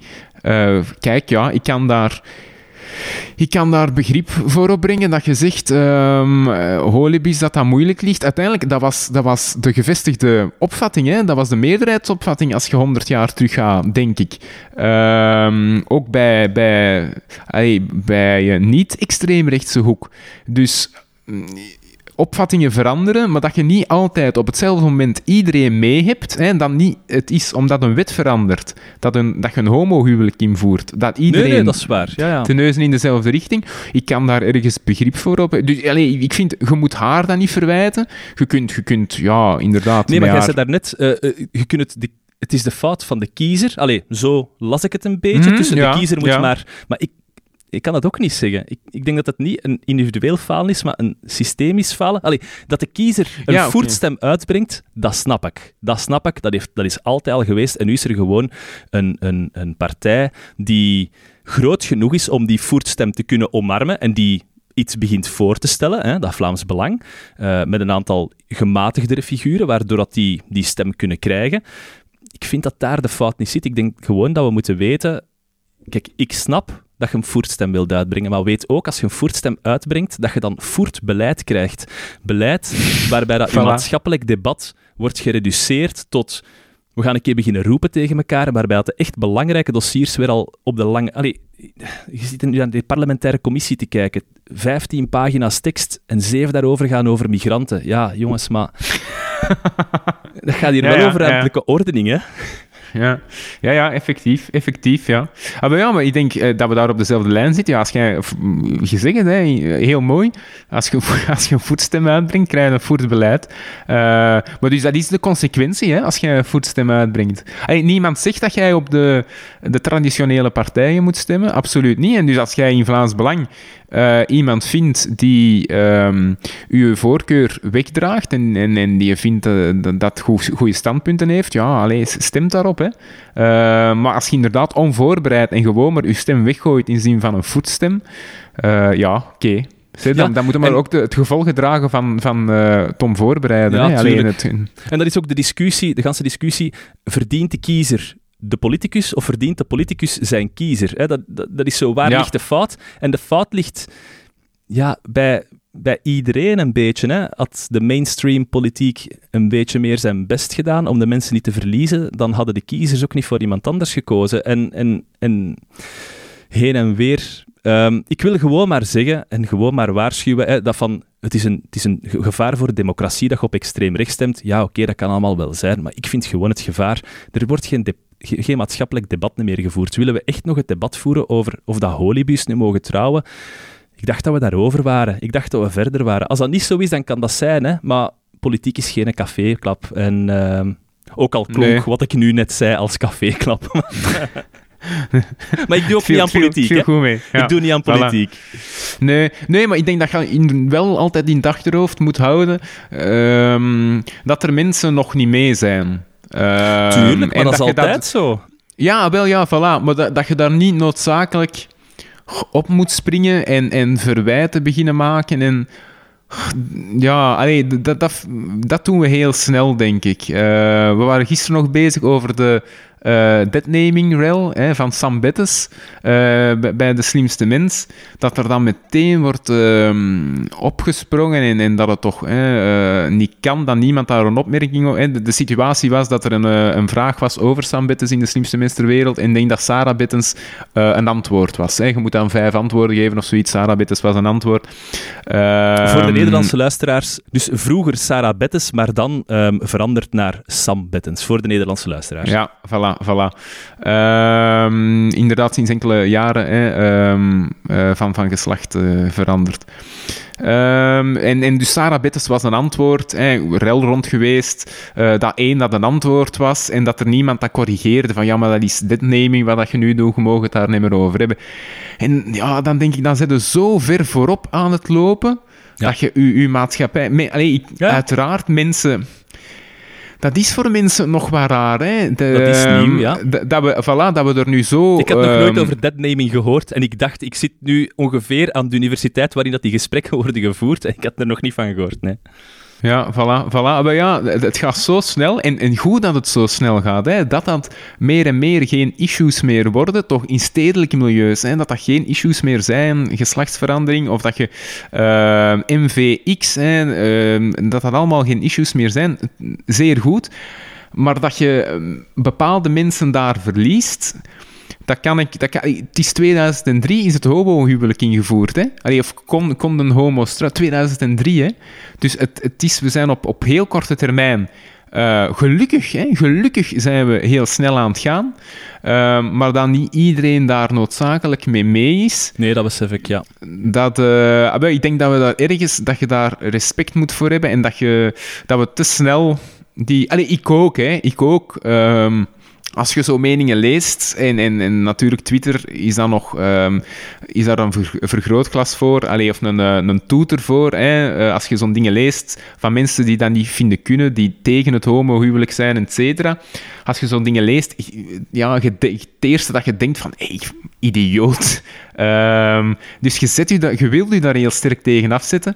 Maar ja, allee, ergens kan ik, daar, kan, ik het wel, ja, kan ik het wel begrijpen dat je niet altijd even sterk mee bent met al die, met al die issues. Het is ook met wat je in aanraking komt. Hè. Als je bijvoorbeeld aan de universiteit, wat ik ook heb gemerkt, eh, gewerkt, ehm, omdat daar elke dag die discussies wel, Daar wel worden andere gesprekken worden. gevoerd dan op café, laat ons dat Voilà. Voilà, Allee, op café, dus- nee, dan op de gewone werkvloer. Ja, ja. Ook al, ook, ja, zo- zowel op café als op de gewone werkvloer, inderdaad, die discussies zijn anders. Dus je creëert daar een veel grotere gevoeligheid voor.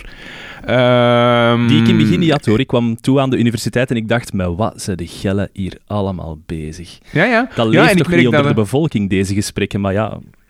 Ja, klopt. Ja. En ik merk dat ook nu in, in, in het advocatenkantoor waar ik zit, dat die discussies eh, veel minder fijngevoelig eh, zijn. Dat men, dat men daar termen durft te gebruiken die, die als je die aan de universiteit eh, daar in de lunch zou gebruiken, dan zou er iedereen over u krijgen. Misschien terecht, hè? Of, of terecht.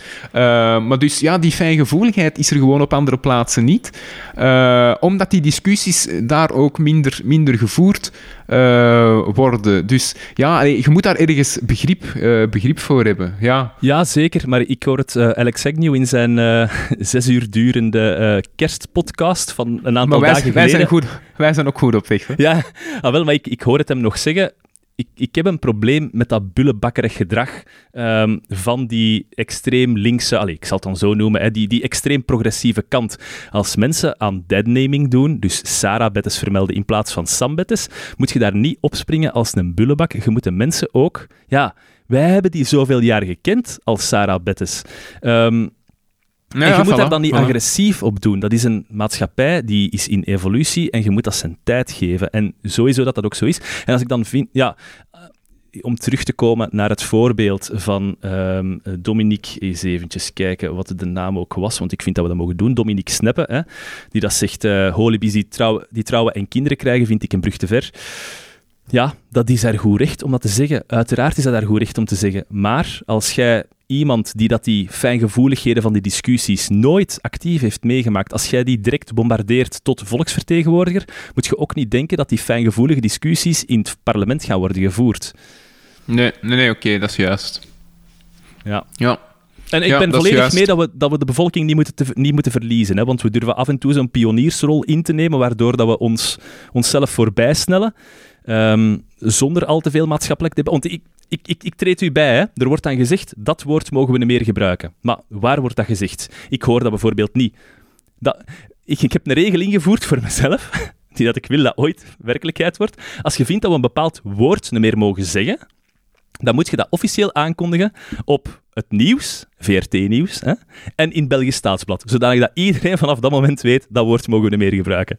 En niet ergens Nee. in een subreddit-groep van een of andere progressieve beweging die dat iedereen erop begint af te rekenen dat ineens dat woord wordt gebruikt. Nee, nee, wij zitten niet in die subreddit-groep. En je moet niet uitgaan dat iedereen in die subreddit-groep zit. Ja, Ja. Nee, nee, ja. ja. Ik zou daar nog misschien aan willen toevoegen. Hey, dat is ook iets dat, dat, dat bij mij soms frustraties opwekt. Um, die, uh, uh, die fixatie op het, op het slachtoffer tussen aanhalingstekens. Dat uh, het argument van ik heb u nu iets gezegd, maar ik heb u daar niet mee willen kwetsen, dat wordt direct weggeschoven. Dat is nee, dat, dat doet er niet toe. Het doet er niet toe dat je mij niet hebt willen kwetsen enkel het gevolg doet ertoe, je hebt mij gekwetst. En dan denk ik... Allee, in mijn... En dus, ik ga nu heel persoonlijk... In mijn persoonlijk denkkader heb ik altijd gevonden, je mag tegen mij alles zeggen. Echt alles zeggen, ik kan met alles lachen. Zolang dat ik weet dat het om te lachen is, dat je, dat je uh, niet kwaadwillig bent. En dat is mijn persoonlijk normatief kader. En zo sta ik ook in de wereld. Ja, exact. En dus ik, um, het, het ding is, allee, ja, de, fixatie is meestal, oké, okay, ik, het slachtoffer, tussen aanhalingstekens wederom, hè, vindt iets niet kunnen, ah ja, dan moeten we ons, uh, dan moeten we ons aanpassen. Dan, uh, dat, is, dat is de standaard. Ja. Oh, maar nu begin je wel uh, op het Zwarte Pieter-debat u te begeven, hè? Dus het, het, ligt, het, ligt, iets gevoeliger. Nee, het wil niet nee, zeggen nee. dat wij Zwarte Piet vieren omdat wij dat altijd al hebben gedaan, dat er daar geen probleem in kan bestaan en dat we daar gevoeligheid voor moeten creëren. Ja, voilà. Ja, maar ik, denk, ik zeg dus ook niet dat uh, mijn normatief kader het kader is dat je moet veralgemenen. Ah, hè? ja, dus ja, ik zeg, mijn, mijn, mijn normatief kader is, ik vind je mocht alles zeggen, zolang het maar niet slecht bedoeld is. Maar ik vind niet dat dat moet veralgemeend worden. Ik, ik, ik kan perfect in een dialoog aangaan. Um, en um, het, het, het, bepaalde woorden hè, um, zal, ik ook, zal ik ook niet zeggen. Ehm, eh, hoewel ik daar misschien dan niks mis mee bedoel, maar ik zal eh, bepaalde woorden die dan kwetsend wordt ervaren, zal ik ook niet zeggen, omdat ik begrijp, ik begrijp het slachtofferstandpunt ook. Maar ik vind dat er vice versa ook begrip moet zijn ehm, dat sommige, dus sommige fijngevoeligheden nog niet daar zijn, dat het niet bedoeld is om te kwetsen. Bijvoorbeeld die Sarah Bettes, die Sam Bettes, ja, mensen zeggen dat. Eh, mensen zeggen dat niet om te kwetsen. Dat is logisch. Hè. Je, hebt dat, uh, je hebt dat twintig jaar zo gedacht. Je hebt twintig jaar met Case Choice geleefd van, ah ja, dat is Sarah Bettes. Uh, en nu is dat, in, uiteraard is dat moeilijk voor, voor mensen. En dan denk je van, ja, nee, het argument, je hebt niet willen kwetsen, dat doet er niet meer toe. Dan denk ik, ah, oké, okay, waarom? Waarom niet? Waarom is dat geen argument? Ja, voerde jij nu het pleidooi voor meer humor? Meer relativering? Want ik, ik ken u wel als de grootste relativist ter wereld. Hè? Tegen u kun je letterlijk alles zeggen wat dat je wilt, zolang dat het met humor... Um, met sausje ja, van humor ook, denk ik, ja. Ja, ja, ja. ja. Ja, ja, ja, ja, tuurlijk. Want je kunt heel kwetsende dingen zeggen, maar zolang dat, dat vanuit een humoristische insteek is, voor mij geen enkel probleem. Misschien zien we dat bij bepaalde ja, je hebt het daar over een slachtofferrol, dat dat daar te weinig geldt. Maar misschien hebben die ook het recht hè, om nu te zeggen: het is genoeg geweest. Ook al is het om te lachen, het is genoeg geweest. Ik zie er de humor niet meer van in. Ja, ja, ja, ja oké, mm, absoluut. Maar er valt voor beiden iets, uh, voor beiden iets te zeggen. Hè? Dus ik zeg niet uh, dat het ene juist is, het andere juist is. Het moet altijd een dialoog zijn en die, een dialoog uh, ja, zal nooit stoppen.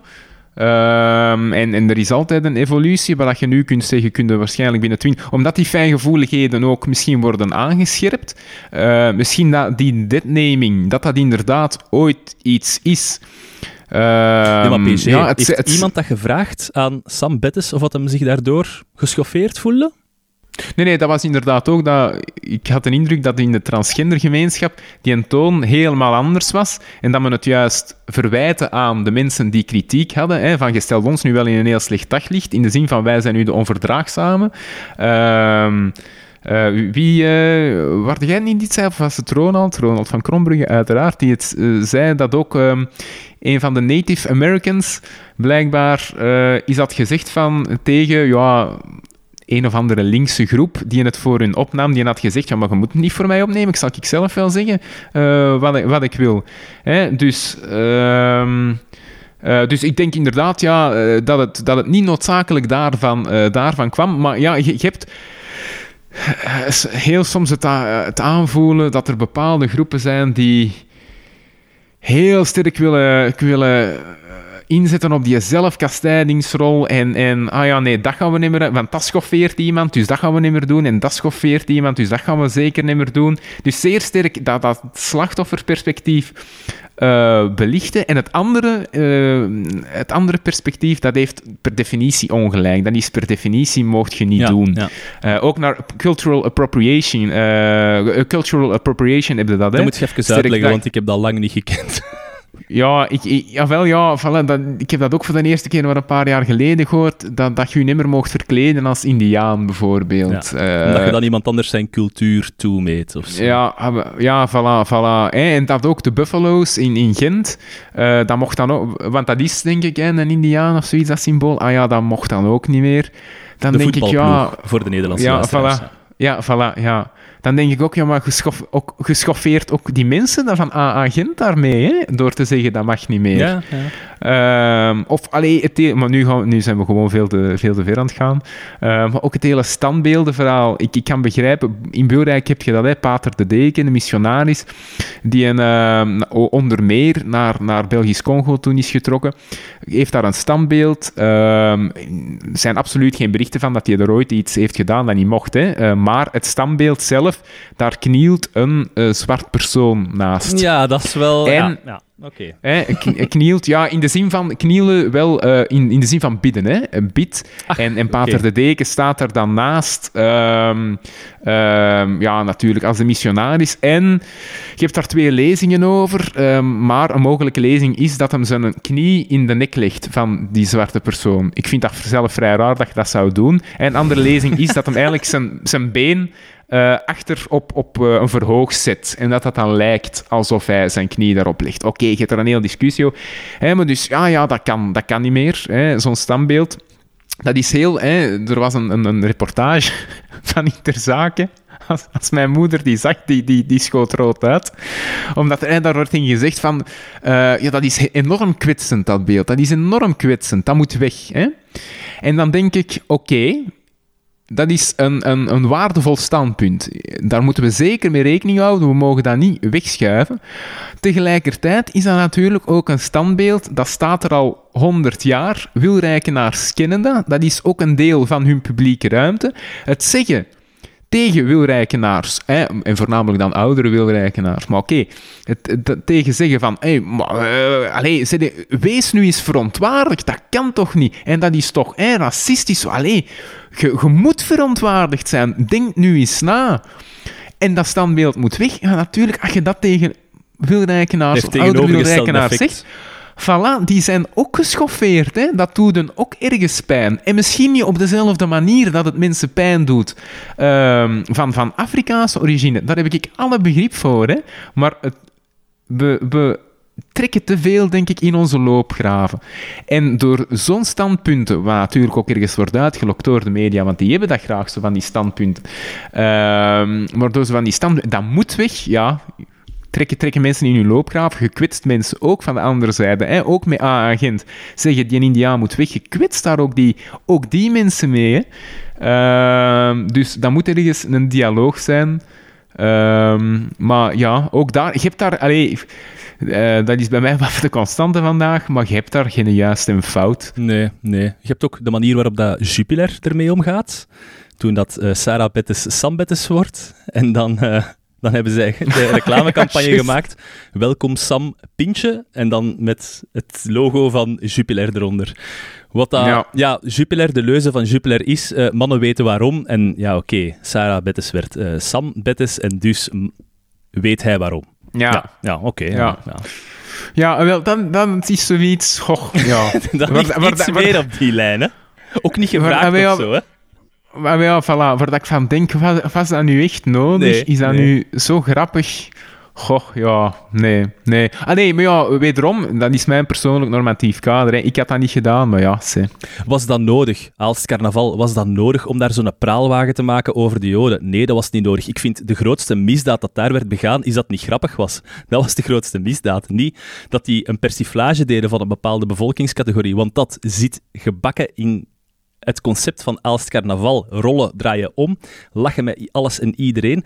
En UNESCO Werelderfgoed vooral eens een keer een goede middenvinger laten zien van wij hebben uw bevestiging niet nodig. Ja, uh, voilà, voilà. Ja, ja, want hey, daar is het ook wagen per wagen dat je moet kijken, maar uiteindelijk het, het doel, het initiële doel, was niet lachen met Joden. Hè? Hè, dus die vergelijkingen, uh, vergelijkingen die dan worden getrokken. Trouwens, toen heb ik ingezien dat buitenlandse media Ehm, die je soms veel waarde toeschrijft. Hè. Zoals, ik was enorme fan van, uh, allee, ben nog altijd van The Atlantic, hè, dat magazine. Ehm, omdat je denkt, oh ja, die hebben altijd echt de juiste, goede analyses van buitenlandse problemen, totdat je dan eens een artikel leest over België, hè, waar dan men dan um, direct de link lag, uh, legde tussen uh, die, die stoet toen, hè, dus twee jaar geleden, ging het over het feit dat men, dat men aanklaagde, men had te weinig subsidies gekregen. Um, een bepaalde vereniging en men ging dan een sabbatjaar houden. Hè, en daarom sabbatjaar de link met Joden. Uh, en, en, was men allemaal me verkleed met, met, uh, als, als ja, hè, met, met uh, bepaalde hoeden, allee, als Joodse personen. Uh, en je kunt daar inderdaad zeggen, er was een hakenneus, et cetera. Dus je kunt zeggen, het was wat, uh, weinig fijngevoelig. Hè? Dat kun je perfect zeggen. Maar de insteek was niet, we lachen met Joden. De insteek was, we lachen of we stellen het uh, aan de kaak, hè, dat we te weinig subsidies krijgen. Dan krijg je, hè, dus bijvoorbeeld in die, die Atlantic, foto's van de jaren 30 van, ah, maar kijk eens hè, de, hoe dat de Joden hier worden voorgesteld. Ja, ja dan denk ik, los van het feit of dat je de vraag, uh, dat je de vraag pertinent is, moet je dat doen en moet je die karikaturen bovenhalen? Dat is een pertinente vraag, maar dan meteen die, die vergelijking gaan trekken met de jaren 30. Ja, nee. Hè. En het jaar daarna, hè, dus de vorige editie, inderdaad, het feit, werd er ook eigenlijk niet mee joden gelachen. Hè. Er werd met, inderdaad, zoals je zelf aangaf, er werd met UNESCO gelachen. Dat was dat men aan de kaak stelde. Dat was hè, de macht van UNESCO die het dan is, is gaan bepalen. Hè. Je zit hier wereldterfgoed, dus je zult spelen volgens onze regels. Ja, ja. Dat inderdaad, als daar een fuck you vinger naar heeft uitgestoken, ja, dat, uh, dat kan ik dan ook... Dus eh, dat zijn allemaal... Allee, ik zeg, het moet niet bepalend zijn, die argumenten die nu zeg. Hè. Uh, je kunt nog altijd zeggen dat het uh, niet kan. Je let ook op oké, die gevoeligheid die er is, zeker in, Joodse milieus, hè, met, met, met karikaturen en de aanloop naar um, niet alleen de, de, Shoah in, in 4045, maar tal van moorden, volkerenmoorden of genocides die er zijn, pogroms die er zijn geweest in de eeuwen voorafgaand. Hè, dus dat er een enorme fijngevoeligheid is in die, in die uh, maatschappij uh, in die groep, daar moet je uiteraard uh, respect voor hebben. Uh, dus ik zeg niet, ik, ik, vel wederom geen, geen oordeel. Maar de argumenten die heel vaak werden um, naar voren gebracht, die vond ik, um, vond ik niet correct. Ik vind het beste voorbeeld van Aalst Carnaval dat dat niet slecht bedoeld is. En dan ga ik verwijzen naar um, Ilse Uitersprot, voormalig burgemeester van Aalst, die mijn oneindige respect verdient, eh, en iedereen zijn respect verdient, en die helaas, helaas uh, in de zomer van dit jaar om het leven is gebracht door haar uh, vriend, denk ik. Um, ja, die, die dan werd... Uh, er, er dook een filmpje op waarop dat zij dan op scène dingen aan toen was, ergens op een toren, ergens in, wat was het, Italië of zo. En, en waarbij de Aals Carnaval zei, oké, daar gaan we een praalwagen van maken. En waarop dat zij zich dan ook verkleden als de torenvrouw op Aals Carnaval zelf, omdat ze wist, ja, ik hang eraan, hè, ik hang eraan dit jaar, dus ik kan het maar beter omarmen met humor. En ik vond dat, ja, zo, zo'n opluchting, zo zo'n verademing om te zien dat iemand daar zo goed mee kan omgaan. En dan ja, oké, dan ineens komt dan nieuws uit dat hij vermoord is door haar man. En wat staat er dan in het nieuws? Uh, ja, dat hij ooit eens een keer betrapt is geweest op een toren in Italië. En dan denk ik, mannen, seriously, moet dit nu echt? Allee, als je dan echt een, een voorbeeld wilt zetten van uh, politieke correctheid, dan ga je niet verwijzen naar een seksistisch voorval van zoveel jaar geleden. Hè? Ik verwijs nu wel naar dat voorval, omdat het een relativeringsdrang is van ja. Aalst. Maar je moet dat niet doen bij iemand zijn obituary hè, of iemand zijn doodsprintje absoluut niet. Uh, maar ja, over de media gaan we het, uh, gaan we het uh, straks nog hebben, want we zijn nog niet uitgepraat. Hè? Oh, mannetjes. Ja. Mag ik even naar het toilet nee. gaan, vooraleer dat we doorgaan? Jij mag nog eens pipi gaan doen. We ja, zitten op dit moment op een uur 33. Oké, okay, ik ga vlug pipi doen. Yes, I'm back. Goed. PG, ehm, misschien een luchtiger onderwerp? Voorlopig. Ja, hè? absoluut. Ja. Ik weet nog, we rekenen 3 januari 2020. Ik was in Wenen um, en ik was mijn gsm aan het scrollen en ik kwam plotseling echt een gouden parel tegen. Het is uh, het meest, het beste artikel dit jaar op de VRT. oh, voilà. Ja, ja, ja. ja, ja. Hey. En dat is uh, de lastige vragen die niemand durft te stellen over de komst van de wolf in Vlaanderen. Een artikel dat geschreven is door Maarten Goethals, de woordvoerder van de Hubertusvereniging Vlaanderen, dus de jagers. Um, als ja, belangeloos. Volledig, volledig belangeloos. belangeloos, uiteraard. Een objectieve expert. Als reactie op een artikel van Hendrik Schoukens. Um, ja, oké. Okay. Wat dat artikel zei, dat wil eigenlijk niet zoveel zeggen. Hij wil gewoon zeggen, de komst van de wolf is niet zaligmakend. Maar ik ga er gewoon twee passages uit voorlezen voor ons, voor ons plezier. Oké. Okay. Daarom vraagt de jachtsector om een duidelijk protocol dat als leidraad kan dienen bij potentieel gevaarlijke situaties. Wat als een wolf paart met een hond en daaruit komt een hybride voort, laten leven of euthanaseren? We weten dat tussensoorten doorgaans minder angst voor de bewoonde wereld vertonen. Wat met een wolf die gewenning toont aan menselijke aanwezigheid en in een zeldzaam geval zelfs zijn natuurlijke schroom laat vallen? Wat als een wolf langs een crash passeert? Is gebeurd in Duitsland. en ook in Zoersel. Zou het volgens bronnen al het geval geweest zijn. Dat behoeft niet meteen grote paniek of drastische maatregelen. Nee, nee, ja, dat is, maar wel meer jagers. Jawel, dan gaat hem voort en uiteraard, hoe moeten die afknallen? Dat is zijn pleidooi, afknallen die wolf. Um, ja. Ja, maar dat staat gewoon in uw living natuurlijk. Zo'n wolf die er uh, naast het haardvuur ligt. Maar ja, zeker. En je hebt al zo weinig om op te schieten in Vlaanderen. En je bent met zoveel. Vind ik wel. Vind ik wel. En hij eindigt met een repliek aan Schoukens. Het maakt eigenlijk niet zoveel uit wat dat Schoukens juist gezegd heeft, of hij zegt. Ik wil gewoon eindigen met deze woorden. Schoukens vergeet alleen te vermelden dat Remus door zijn eigen broer gedood werd. En dat ironisch genoeg daarna misschien wel een van de minst nederige momenten, nederige momenten in de geschiedenis van de mensheid aanbrak. De eeuwenlange expansie van het Romeinse wereldrijk. En die komt tot een hoogtepunt met het aanleggen van de eerste stenen weg en kruispunten. Ja, dat is. Uh... Maarten Goedals, goed bezig, maat. Goed bezig. Ik wil nog dingen van u lezen. Die had serieus gesnoven, ja.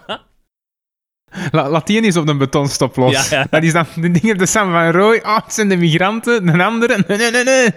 Er is te veel wild, te veel wild. Afknallen! Oh, ik heb... Ja, voor de mensen... Ik, ik ga niet te veel weggeven. Lees dat artikel zelf, hè. 3 januari 2020 uh, op de VRT. De lastige vragen die niemand durft stellen over de komst van de wolf in Vlaanderen. Echt een parel. Heb jij zo'n artikel waarvan dat je zegt, dat moeten we nu gelezen hebben? Um, goh, um, van dit jaar.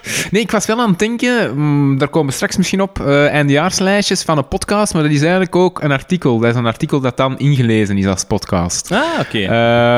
ja, van The Atlantic. Ook al vernoemd ja, daar juist. Ja, ja die kwaliteits, uh, ik, kwaliteitsmagazine. Ja, voilà. Ja, dus het moet. Maar ik neem aan dat het van journalist tot journalist afhangt. maar dit ging uh, van Anna Applebaum. Applebaum, Applebaum, ja, ik weet niet hoe dat je het uh, uitspreekt. Het is Apple en dan Baum, uh, AU. Um, die een artikel heeft geschreven, een long read over uh, A Warning from Europe over ja, de evolutie naar. Um, uh, of of het, het, um, de aanvallen op de democratieën die je in Europa ziet met een Orbán en in Polen. Uh, wat is daar recht en rechtvaardigheid, die partij zeker? Waar dat je zelf inderdaad ook al in het verleden zeer mooie voorbeelden van hebt gegeven. Concrete voorbeelden. En hoe dat de, de democratie daar onder druk staat. En dan de gevaren voor. Ik denk dat zij het uh, in de context van Amerika aanhaalt. Maar ik vond ja, echt een, een warning from, from Europe een prachtig prachtig artikel waar dat er heel veel inzichten uh, in staan, waar dat ze ook de, de parallel trekt met, uh, met de geschiedenis. En, en eigenlijk, allez, ze begint heel concreet, en ik vond, ik vond het heel mooi, in 1999, uh, eh, de millenniumviering. Uh, dat blijkbaar, ik denk dat daar een man, een ehm, minister was in Polen. En dat ze dan een uh, feestje vierden. Um, dus op millennium, uh, allez, de overgang van uh, naar het nieuwe millennium, waar dat dan ja, verschillende mensen um, waren, vrienden, enorm veel gevierd, gedanst, gezongen. En dat, en dat ze dan meteen tot een nuchterende vaststelling moet komen dat, dat ze tegen de helft niet meer praat of iets in ah, die ja, zin. Ja, ja. Um, ja, omdat dus... Polarisering ja, door ja, voilà, voilà. Ja, dat daar echt breuklijnen zijn bovengekomen. Uh, en, en, dat is ja, wel fascinerend. Hoe dat je in het, ja, inderdaad, het gevaar. Allee, je hebt altijd de indruk, het gaat altijd vooruit. De, de, de maatschappij gaat vooruit. Uh, en en uh, na, na de val van, uh, van, de, van de muur en van het gordijn, ja, alles zal nu wel democratisch worden. En liberale democratie, het einde van de geschiedenis. Maar dan zie je inderdaad in die concrete voorbeelden, het kan ook wel, achter, het kan ook wel achteruit gaan. En, en er is wel een gevaar. Dus je moet niet alles uh, for granted nemen. En ik vind dat ze dat heel mooi, heel mooi beschrijft, inderdaad. Ook die rivaliteit die er tussen personen kan ontstaan, het opzetten van groepen, het, gevaar ook hè, van een meritocratie, ehm, dat er bepaalde mensen, ja, dus hè, de, de, de meest bekwame moeten, moeten aan de macht komen, maar dat impliceert natuurlijk dat mensen met minder kwaliteiten, uh, dat je die eh, vaak over het hoofd ziet, die dan ja, heel snel of heel vatbaar zijn natuurlijk voor identitaire bewegingen. Uh, in de zin van, ja, daar kunnen ze wel nog belangrijk worden. Uh, als belangrijk worden aanzien en macht vergaren.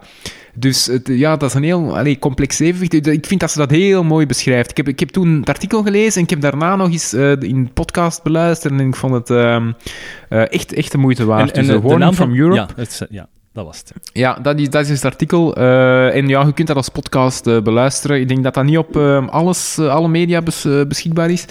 niet op Castbox. ik luister altijd alles via, via Castbox, maar via... Ik weet het niet. Als je op de Atlantic naar het artikel zoekt, dan krijg je ook de, de link naar, naar de podcast. Alright, alright. Dus ja, dat vond ik um, ja, de, de moeite waard. Ja, ik vond ook zo dan hebben we het dan inderdaad over een podcast uh, waarin dat Jesse Frederik van de correspondent een, een monoloog uitspreekt op, oh, ik weet niet meer welke, ja, ik had het moeten voorbereiden, maar het komt nu pas in mij op. Op een bijeenkomst van Sociaaldemocraten of zoiets. Ik weet niet wat dat is in Nederland. Ja, en ik denk zoiets van politieke bijeenkomsten, denk ik. Ja, ja, ja. en die dat daar een, een, een monoloog afsteekt over de problematiek met de, met de schulden uh, regelingen in Nederland. Ja, dus voor onze luisteraars, ik heb het eventjes opgezocht, de Rudy en Freddy Show. En dat is Jesse Frederik over de onderwereld van de verzorgingsstaat. Een aflevering van 20 december uh, eh, 2017. En dat, uh, dat is een aflevering over armoede. Een onderwerp waar ik eigenlijk zelf niet echt al te veel voorkennis, interesse mee had. Maar wat toch wel de ogen opent. Voornamelijk in Nederland is er ook op andere vlakken van de verzorging staat een enorme privatisering aan de gang, waarbij men zegt dat wordt opgelost door de private sector. Met alle wantoestanden en, en, en problemen in bescherming tegen de overheid als gevolg. Uh, maar echt luistert daarnaar. Hij komt met verhalen van mensen die dat echt wantoestanden hebben meegemaakt van het systeem. Niet van hun eigen persoonlijke situatie, maar die echt achtervolgd worden door het systeem op zoveel verschillende vlakken. Uh, ja, echt de moeite waard ja, om aan te Ja, en de bureaucratie hè, en de administratie. Ja, ja ik denk dat we er gisteren eigenlijk ook nog over bezig waren, zeker naar het BEB toe.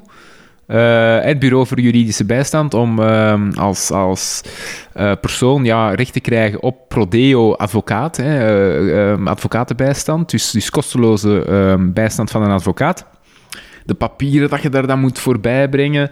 Ehm, en, en om aan te tonen dat je inderdaad je inkomen onder een bepaalde grens zit. En uh, wat hebben je nog allemaal uh, in je bezit? En uh, attest van gezinssamenstelling.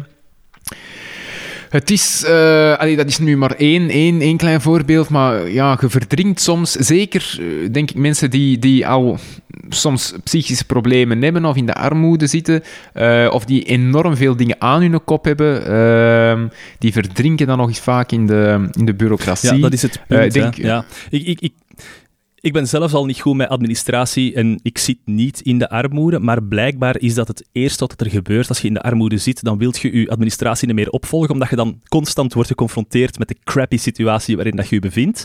Dus mensen, dat is het eerste wat dat mensen doen, hun posten meer open doen. En dan ja, loopt je toelagen mis, dan komen er terugvorderingen omdat je een uitkering hebt gekregen, maar je hebt dan de papierwinkel niet meer in orde gebracht, dus je moet die terugbetalen. En dat is een hele spiraal die dat begint. Ik denk zelfs dat er een Pano-reportage over was, die ook hetzelfde probleem belicht. En wie verdient er aan uw schulden? En het begon ook weer al met die papierwinkel. Maar daar gaan we eens een aparte aflevering over doen, misschien. Ja, wel, ja ik was toen aan het denken, toen ik die een podcast beluisterde, uh, aan Els, Els van de Zande, ook nog vroeger een collega uh, geweest. Ik heb nu wel al de naam genoemd en we hebben het daar nog niet gevraagd, dus... Nee, nee, nee, nee, Dus nee, ik was er gewoon aan het denken. Uh, dus nee, we moeten daar misschien eens bij polsen, maar die werkt uh, uh, bij het netwerk voor armoede, zeker? Hoe weet het als juristen? Of netwerk voor armoede? Of, ja, of ja, tegen armoede, bon. nee, maar zij heeft mij dat ook iets verteld, inderdaad. Die, die link armoede en, um, en paprassen, administratie. Dat dat het eerste eigenlijk is wat, we, wat je aan mensen vraagt. Ja, ook eigenlijk als advocaat, hè. Uh, van breng die dossier, breng het dossier eens, dan kan ik het bekijken en uit dat dossier zal ik dan de relevante dingen plukken, hè, dat we een case kunnen opbouwen. Maar dat dossier, dat is vaak niet bestaande. Um, dus, dus ja, dat is heel moeilijk. Um, ja, een heel, uh, heel moeilijk evenwicht, ja. Maar dus ja, laat ons hopen dat we, dat we eens met haar kunnen samenzitten. Ja. Hè? De, de, de rest van de eindejaarslijstjes, dat bespreken we straks nog. Ik wil het nu even hebben over COVID terug. Um, en de, de, de mondmaskersaga. Voor onze Nederlandse luisteraars en voor onze Belgische luisteraars een recap. Wij hadden in België een strategische voorraad van chirurgische mondmaskers. Echt een aantal miljoen. Die werden bijgehouden door de federale overheidsdienst, als ik me niet vergeet. Gezondheidszorg of whatever dat was. Ja, en waarvan het uh, houdbaarheidsdatum verstreken was. En dan werd er besloten om die stok te vernietigen, dus letterlijk te verbranden. Maar om die stok nooit te vervangen door een andere stok. Omdat er, ja, hey, een pandemie, wanneer gebeurt dat nu? Dat zit er toch echt niet aan te komen. Alleen maar in de betere films. Um, en dan um, was er dus een, een, een Pano-rapportage, ehm, waarin dat ze dan samen zaten met uh, Magie de Blok, die toenmalig minister was van Volksgezondheid, uh, ten tijde van het verbranden van die mondmaskers. En dan vroegen ze aan haar, ja, en waarom is die stok dan niet hernieuwd? En dan zei ze, ja, ze, it is what it is. Ja, dat uh, inderdaad, ja, dat, dat is hem kwaad voor geweest. Moet je dat zeggen? Uh, ja, ja. Ook kun, ook, dat ja. in alle WhatsApp-groepen die ik met Steven deel, heb ik dat moeten ondervinden. Uh, dat daar, ja, hij kreeg er, zoals men in het mooie Vlaams zegt, hij kreeg er stenen kloten van. ja. Hoe, hoe kun, dat, maar dat is echt zo. Ministeriële verantwoordelijkheid, eigenlijk de verantwoordelijkheid die een minister opneemt voor het rijlen en zeilen van zijn of haar administratie, bestaat bij ons niet meer. Er, en je ziet dat ook, allee, Watergate. Als je een keer kijkt naar wat dat Watergate was, de achterliggende feiten, dat is niks in vergelijking met wat er gebeurd is met Trump. Hè? Als, Trump heeft al twintig Watergates meegemaakt en heeft daar nog altijd geen ontslag voor genomen. Terwijl dan Nixon dat dan wel heeft gedaan. En we zien dat nu ook bij ons. Mag je de blok? Ja, oké, dat is nu gebeurd en dan moeten er maar mee voort. Hè. Maar nee, dat stopt daar niet. Hè. Dat is uw taak geweest en jij hebt dat niet gedaan. En wat zijn daar nu de gevolgen van? Niks. Niks. Duizenden doden. Ja, oké. Ik vind dat er weinig gesproken wordt over. Uh, misschien is dat nu niet het moment om te doen, hè, maar ik vind dat we dat later moeten doen. De schuldigen aanwijzen. Wiens, wiens fout is het dat er een tweede of een derde golf bestaat? En waar, waar, zit, waar zijn de fouten gebeurd in het beleid? Maar ik, ik weet dat dat wat populistisch klinkt, maar dat kan toch niet anders, PG? Er sterven tienduizenden mensen aan een golf waarvan dat iedereen dacht die kon vermeden worden door iets strenger beleid. En wij gaan de schuldigen aanwijzen. Wij gaan, wij gaan het doen. Ik, ik denk, ik moet het aan nu aankondigen, dus uh, vergeet andere media. Wij gaan ja, maar ja, in een van onze komende uitzendingen de, schu de schuldigen aanwijzen. De Mol. We hebben een nieuwe serie, ja. De Mol. Maar het is toch... Dus, dus wij hebben in België um, drie golven mee. Allee, twee golven meegemaakt en we zijn nu. Ja, en dan nog bezig in een Antwerpse, zo ja, in de zomer een Antwerpse. En we zijn nu bezig eigenlijk aan een derde golf. En die derde golf die wordt in de volksmond ook wel de kerstgolf genoemd. Hè? Omdat ze denken, ja, na kerstmis zal er wel een golf ontstaan. Ik weet niet wat de besmettingen nu zijn, maar althans, dat was de prognose. Maar laat ons dan eerlijk zijn en laat ons consequent zijn. De eerste golf, dat was de skivakantiegolf. De tweede golf, dat was de zomervakantiegolf. En de derde golf, dat was de, skigolf, uh, de, de kerstvakantiegolf. Als je elk van die redenen kunt identificeren, waarom heb je er dan niks aan gedaan? Ja, dat merk je nu ook bij... Ik weet dat wat populistisch klink, hè, en dat is het misschien ook een klein beetje, maar... Goh, ja, ik, ik heb er altijd het gevoel... Ja, het, je moet met zoveel belangen rekening houden als, als overheid. Ja. Uh, soms, oké, is, het gewoon, is het gewoon dom. Uh, enkele maanden geleden, uh, met, met het, uh, wederom, het is, al, het is al zoveel keren aangehaald, eh, het huis dat in brand staat, hè, we gaan nu nog niet blussen. Oké, okay, dat zijn natuurlijk Jan, Jan domme Bon, Jan Jan Bon, minister-president van de Vlaamse regering, die dat zei, ehm, maar hey, het huis staat nog in brand, hè. we moeten nog niet blussen, terwijl dat we echt al bezig waren aan het midden van de tweede piek, de tweede van de tweede golf, hè? Ja, ja, ja, tweede echte golf, ja. Ja, ja alleen ik denk uh, dat deel de Vlaamse regering wel achter dat standpunt stond, neem ik aan. Uh, natuurlijk, hij doet de domme uitspraak, maar die, die verantwoordelijkheid is, is waarschijnlijk breder. Dus daar denk ik, ja, dat is... Je, ziet het toch aankomen. Hè? Als besmettingen stijgen, dan weten dat er na x aantal weken het aantal doden gaat stijgen. Dat is, uh, dat, dat is vrij simpel. Dus daar wel, maar voor de rest... Hey, maar we hebben het er in het begin ook al over gehad. Hè? Ja, die voetbalmatchen, et cetera. Ja, dat is allemaal inconsequent. En waarschijnlijk... Uh, alleen nee, niet waarschijnlijk. Sowieso. Het beleid dat we nu hebben... Het wordt niet gezegd, maar daar aanvaarden we dat er x aantal doden gaan vallen. Dat aanvaarden we. Uh, 100 per dag. Ja, voilà. Ah, en dat, dat, dat, dat aanvaarden we. Het enige dat je kunt doen... Uh, om te zeggen, we, geen doden meer, dat is echt een lockdown. Hè? We sluiten gewoon iedereen op. Je komt nimmer buiten. Allee, of, hè, je hebt nu de tijd om naar de winkel te gaan voor 14 dagen. Je komt nimmer buiten die 14 dagen. Ehm Oké, wat je dan moet doen met mensen die ziek zijn, dat is hè, dan nog een andere vraag. Maar oké, dat kun je doen. Hè. Dan inderdaad aanvaarden, neem ik aan, geen dood of geen verdere verspreiding. Maar alles wat... Everything that falls short from hè, die maatregel ja, aanvaard je gewoon dat er, dat er doden vallen. Ja, ik, ik snap dat die, dat die afweging moeilijk is, maar er zijn voor mij twee uh, merkwaardige of twee goed te identificeren momenten in het afgelopen jaar die aantonen dat er echt, echt fundamenteel iets fout zit. En dat was ehm, in de zomervakantie, hè, toen dat we bezig waren aan een exponentiële groei van die tweede golf, waarin dat er plotseling opdook in de media, er is geen draagvlak meer bij de bevolking voor een verstrenging van de maatregelen. En wat zegt de politiek dan? Oké, dan gaan we versoepelen en vanaf nu mag je vijf contacten zien per week. Uh, Natuurlijk okay. wetens en willens dat het dan uit de hand loopt en dat ze dan kunnen zeggen, ah voilà, het is erger geworden, we kunnen er de blok op leggen. Dan vind ik dat je politiek crimineel gedrag stelt. Omdat je gewoon weet dat het fout gaat lopen en dat je nadien dan kunt zeggen Zie je, voilà, ehm, we moeten nu de verstrenging doorvoeren.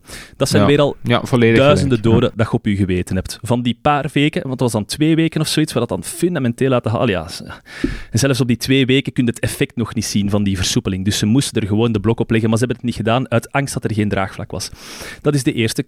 eerste ehm, ja, wel, maar daar geef ik u 100% uh, gelijk. Ook het feit, er is geen draagvlak, dat is een soort nieuwe modewoord, maar gecreëerd draagvlak. Ja, exact, Als een, allee, dat is wat Merkel, hè, weer schaffen is gecreëerd draagvlak als je een goede politicus bent. Je moet niet achteraan lopen en zien wat je bevolking doet. Nee, je moet vooraan lopen. Je moet ook niet te ver vooraan lopen, maar je moet wel vooraan lopen. De angst van de politiek om beslissingen te nemen, die, uh, die veruiterlijkt zich weer al. Het tweede um, wel te identificeren moment is de aanpak net voor um, de kerstperiode nu. Hè. We, we het is nu 27 december, kerstmis is net voorbij.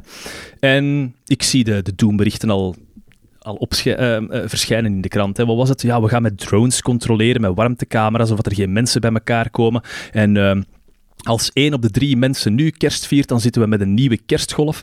Terwijl dat de stijging al terug bezig was. Hè. We waren net uit onze tweede piek en we begonnen al aan de derde piek.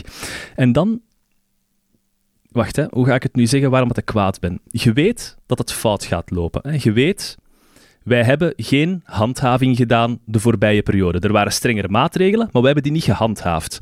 Hè? De, plotseling twee weken voor kerst merkt men op, tja, maar de mensen die rijden terug naar het werk. Ja, man, dat was al drie, drie maanden aan de gang. Hè? Het is niet nu dat je dat moet opmerken. Het was toen dat je dat moest controleren. En had je dat toen nu controleerd, had je toen uh, straffer op de bal gespeeld, dan hadden we nu niet de periode van kerstmis, mogen we dat vieren of niet? Officiële standpunt was, u mag kerstmis niet vieren, maar als je nooit deftig hebt gehandhaafd, ben ik dan kwaad op een aantal mensen die dat zeggen, ja, gaan we doen, we, vieren toch kerst, want ze gaan niet handhaven. Ik zou kwaad willen zijn op de bevolking die dat zegt, we vieren toch kerst, maar ik kan het niet. Ik kan het echt niet zijn. Als jij een regel maakt en je leeft, je dwingt die niet af, dan vind ik dat je niet kwaad mocht zijn op de bevolking dat ze die regel terzijde stellen. Want er zijn nu families die, hè, pakt met 10, 12 bij elkaar zijn gekomen, waarvan dat er twee mensen aan tafel zaten en die dachten, ik wil hier eigenlijk niet zijn. Ik voel mij hier niet comfortabel. Maar dat zouden dan de enige twee mensen aan die tafel geweest zijn die dat zeiden, nee familie, ik kom niet af.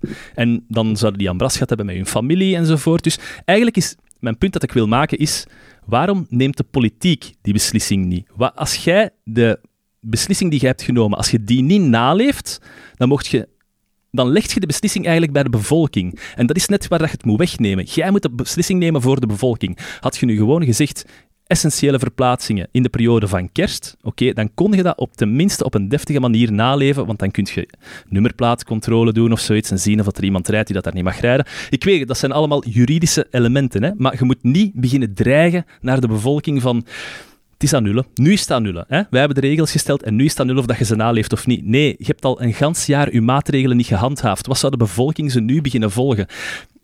Het punt is bij mij, je weet mijn ouders hebben altijd gezegd, je moet een kaas niet van tussen je boterham laten fretten. Ik was vroeger altijd iemand die dat, als er iemand wou voorsteken in de rij, ik ging daar niet moeilijk over doen. En weet je wat, doe het gewoon. Maar dat wil wel zeggen dat jij altijd het slachtoffer bent van de mensen die een stapje te ver gaan. En als er nu een aantal mensen zijn die zeggen, fuck it, ik vier toch kerstmis, omdat ik weet dat de rest er ook zijn voeten aan gaat vegen. Ah wel, daar kan ik niet kwaad om zijn voor die mentaliteit of die houding. Um, Ja, je hebt verschillende dingen inderdaad, eh, ah, interessante dingen aangehaald. Ehm, ik vind wat die, die handhaving betreft, eh, ja, daar zit er natuurlijk weer op het, ehm, de moeilijke discussie, wanneer gaat het te ver hè, in die handhaving?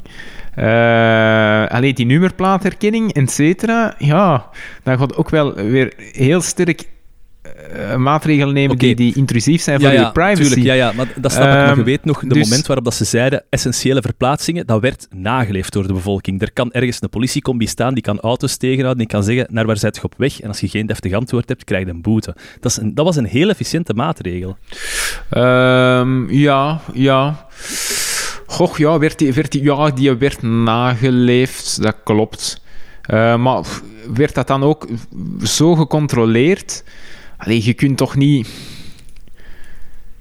Ja, ja ik, allee, dat, dat vind ik een moeilijke. Ja, oké, maar, maar, het is een ehm, moeilijk. Ik weet het, maar het homewerken bijvoorbeeld ook. Twee weken ervoor zegt men, ah wel, we gaan beginnen controleren op homeworking. Ja, mannen, dat kon je wel eerder doen, hè. Het feit, wij hebben een attest van de universiteit gekregen om af en toe naar de universiteit te gaan wanneer dat het echt noodzakelijk was ken niemand die dat ooit een controle heeft gehad over zijn essentiële verplaatsing. Nee, ah, wel, maar inderdaad, daar was ik aan het denken. Stel je voor dat ze nu controles, hè, dat moet al, uh, om niet te beperkend of niet te intrusief te zijn, denk ik dat je gewoon roadblocks hè, moet, moet, moet uh, voorzien en dan mensen die daar passeren, oké, okay, moeten uitleggen wat ze aan het doen zijn. Bijvoorbeeld in het voorjaar naar de, naar de zee, oké, dat is waarschijnlijk allemaal nog makkelijk te organiseren. Nu gewoon om de roadblock op de ring te gaan zetten van Antwerpen, waar gaat u naartoe? Allee, dat is alleen zaak. Tweede zaak, ja, als die mensen zeggen, ik ook, hè. Ja, ik, ik, ik kan ook uh, nog, nog, nog elke week wel, niet altijd, maar elke week wel naar, naar een bureau. Uh, ja, als ze mij vragen, wat, wat, gaat het doen? Ja, werken, hè. Ja, ik, en ik moet dingen, ik moet dingen af... Allee, dat is dan ook wel zo. Ik moet dingen afdrukken. Uh, ik heb thuis geen printer uh, of een dossier of... Allee, gaan ze dat dan allemaal controleren? Gaan ze dat bij mij thuis komen controleren? Omdat ik, geen, ik heb geen printer, hè, maar gaan ze dat dan thuis komen controleren? Ja, dat kan gewoon niet. Tenzij dat je inderdaad je toevlucht gaat zoeken tot, tot ja, automatische systemen, naar inderdaad warmtecamera's of, of eh, camera's, warmtecamera's, wat veel te intrusief is. Volgens mij kun je zoiets heel moeilijk nee, handhaven. dat is waar, maar daar zit je met een, een bullebakkenregering, sorry, ik, ik ga het zo zeggen, een bullebakkenregering die dat zegt, we gaan met warmtecamera's rondvliegen. En iedereen weet, maar doe niet zo. Je weet dat dat niet waar is, dat gaat niet gebeuren. Doe het niet zo uit de... Ja, ik kan het moeilijk uitleggen hoor. Ik heb het gevoel, ze waren zichzelf, hè, we gaan onszelf sterk maken. Hè, we gaan, er gaat een drone boven je huis vliegen. En iedereen denkt, maar doe niet onnozel, je hebt geen enkele handhaving gedaan de afgelopen maanden. Wat gaat jij nu met een drone zitten rondvliegen? Nee, nee, ja, maar dat is... Eh, dat is eigenlijk raar, hè? maar ergens aanvaarden we toch dat je een regel kunt stellen waar dat inderdaad ja, de handhaving iets of wat achterwege blijft, omdat de handhaving zou impliceren dat je te ver indringt in, in de mensen hun privacy. Ja? En dat je het dan ergens overlaat aan de goodwill, um, de goodwill van mensen. Ja. Ik, allee, is, is er een alternatief? Ja, dat, is, dat is een goede vraag. Ik ga niet zeggen dat ik hier uh, het antwoord heb. Ik denk inderdaad ook dat het heel moeilijk is om daar een alternatief voor te vinden. Maar ik denk wel dat de houding van de mensen nu met kerst een gevolg is van het gebrek aan geloofwaardigheid bij de regering bij de afgelopen maatregelen. Ja, uh, maar natuurlijk, allee, er was een vrij heldere regel. Oké, okay, hij was misschien iets moeilijker. Hè, in de zin van, als je single bent, dan mogen twee contacten hebben, et cetera. Ik, ik, ken ze allemaal niet zo goed, omdat bij mij het probleem zich niet stelde. Dus ik ben het ook niet echt gaan opzoeken. Um, maar ik denk, ja, er was wel een heldere regel. Um, vele mensen zeggen daar, ja... Voert, hebben daar voert tegen gezegd, denk ik eerlijk gezegd moet ik bekennen. Uh, ik zeg, bij ons stelde het probleem zich niet, uh, omdat uh, vroeger vierden wij altijd kerstavond ook nog mee ons, ons moeke, grootmoeder, dan mijn grootmoeder. Dat probleem stelt zich nu niet omdat hij in een woonzorgcentrum zit. maar ja, oké, als dat het geval nog zou zijn geweest, we zouden die ook hebben uitgenodigd. En, en we zouden daar de regels hebben overtreden. Ehm, dus ja, allee, effectief. Um, we, zou, ja, we zouden dat hebben overtreden.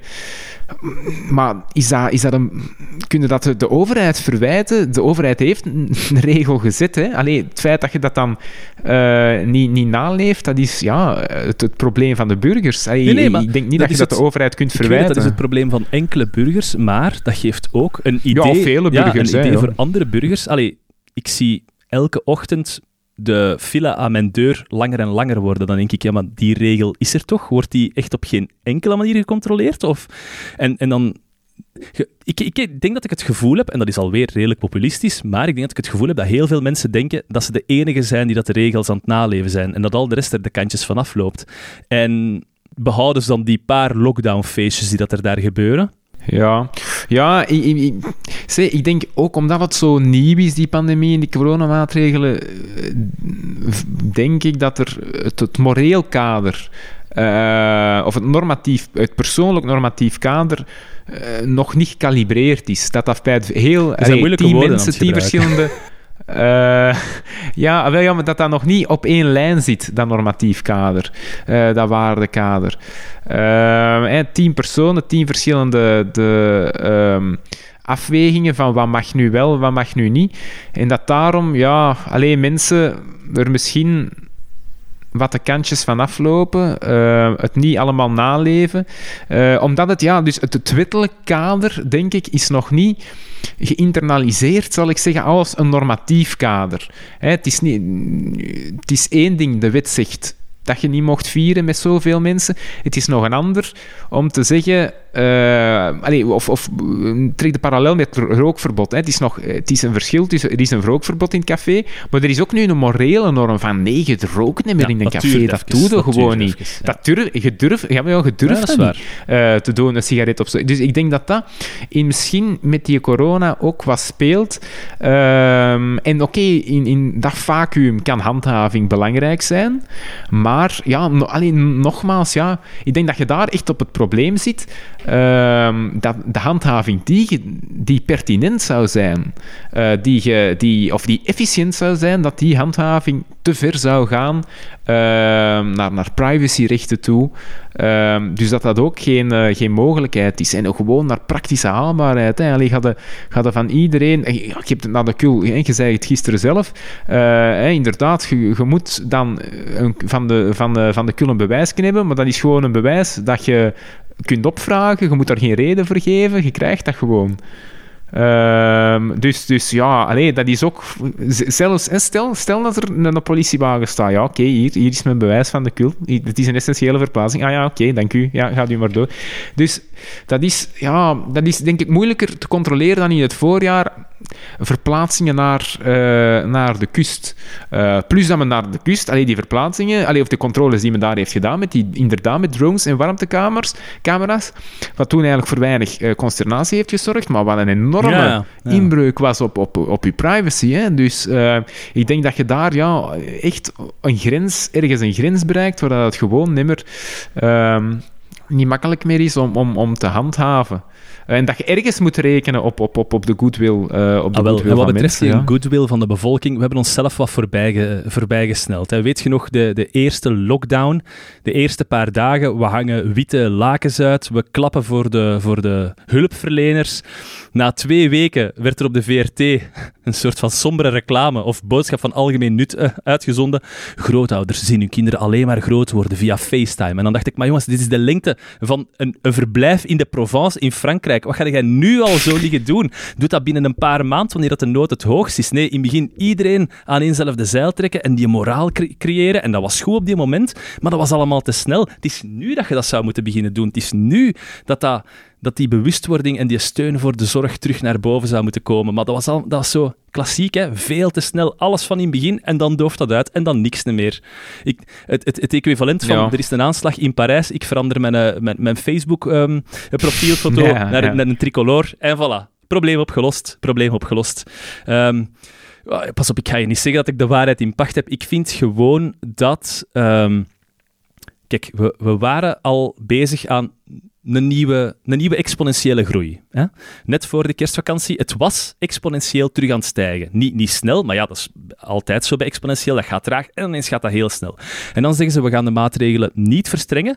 We gaan ze gewoon houden zoals ze zijn. En we vragen aan de bevolking om ze extra op te volgen. En dan denk ik, ja, oké, je kunt dat doen. Maar mijn opmerking daarbij is, je komt uit een periode waarin het er supergoed weer was buiten, waarin dat iedereen weten en willens de maatregelen perfect kon naleven door buiten rond de vuurkorf te zitten. Hè. We kijken nu aan naar echte winter, en het heeft vandaag al niet anders gedaan naar regenen, waarin dan mensen niet kunnen buiten zitten rond een vuurkorf. Denk je echt dat het spontaan beter gaat worden? Of gaat je weer al wachten tot het uit de hand loopt en er een nieuwe piek is, om dan te zeggen, nu hebben we eindelijk draagvlak en nu gaan we terug een lockdown afkondigen? Het is die hypocrisie die ik niet langer aan kan. Dat is altijd zeggen van, ah, je wilt niet luisteren? Oké, nog 10.000 doden erbij en dan gaan we een blok erop leggen en dan zult je wel luisteren. Die hypocrisie kan ik niet meer aan. Mm, ja, anderzijds... ehm, ik zeg, wat is het eh, alternatief? Eigenlijk zeg je, met deze maatregelen die er nu zijn, eh, los van handhaving, hè, gewoon de maatregelen, zijn waarschijnlijk voldoende om het tijd te doen keren, om, om die besmettingen naar beneden te dragen, eh, naar beneden te doen gaan. Het enige probleem is ja, die handhaving. Dus wat is dan een mogelijkheid? Hè? Eh, zoals je daar straks aanhaalde. Ja, laat ons gewoon de volgende stap zetten en een totale lockdown doen. Dat maakt de handhaving veel makkelijker. Dan zitten we niet meer met dat probleem hè, van, hè, dat je mensen moet gaan controleren op de baan. Voor wat, de, voor wat de, ga, bent u buiten? Hè? Nee, want je mag gewoon niet meer op de baan zijn. Allee ja, natuurlijk, dan kun je nog altijd inkopen gaan doen, et cetera. Bon. Ehm, maar dan kunnen verdere verplaatsingen bijvoorbeeld kunnen dan eh, er makkelijker gaan uitpikken.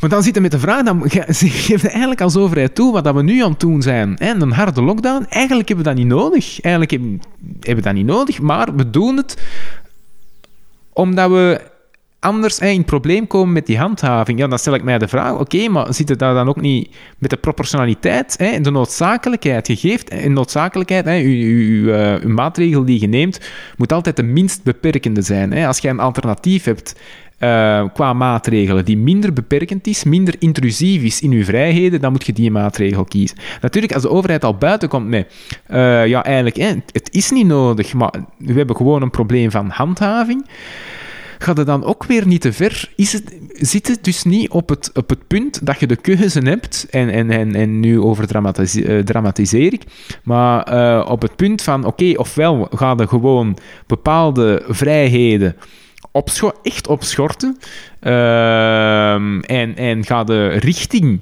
uh, politiestaat, ofwel ja, misschien aanva aanvaarden gewoon, ja, nogmaals, ja, dat er doden gaan vallen. Uh, en is dat ook ja, de collectieve verantwoordelijkheid? Hè?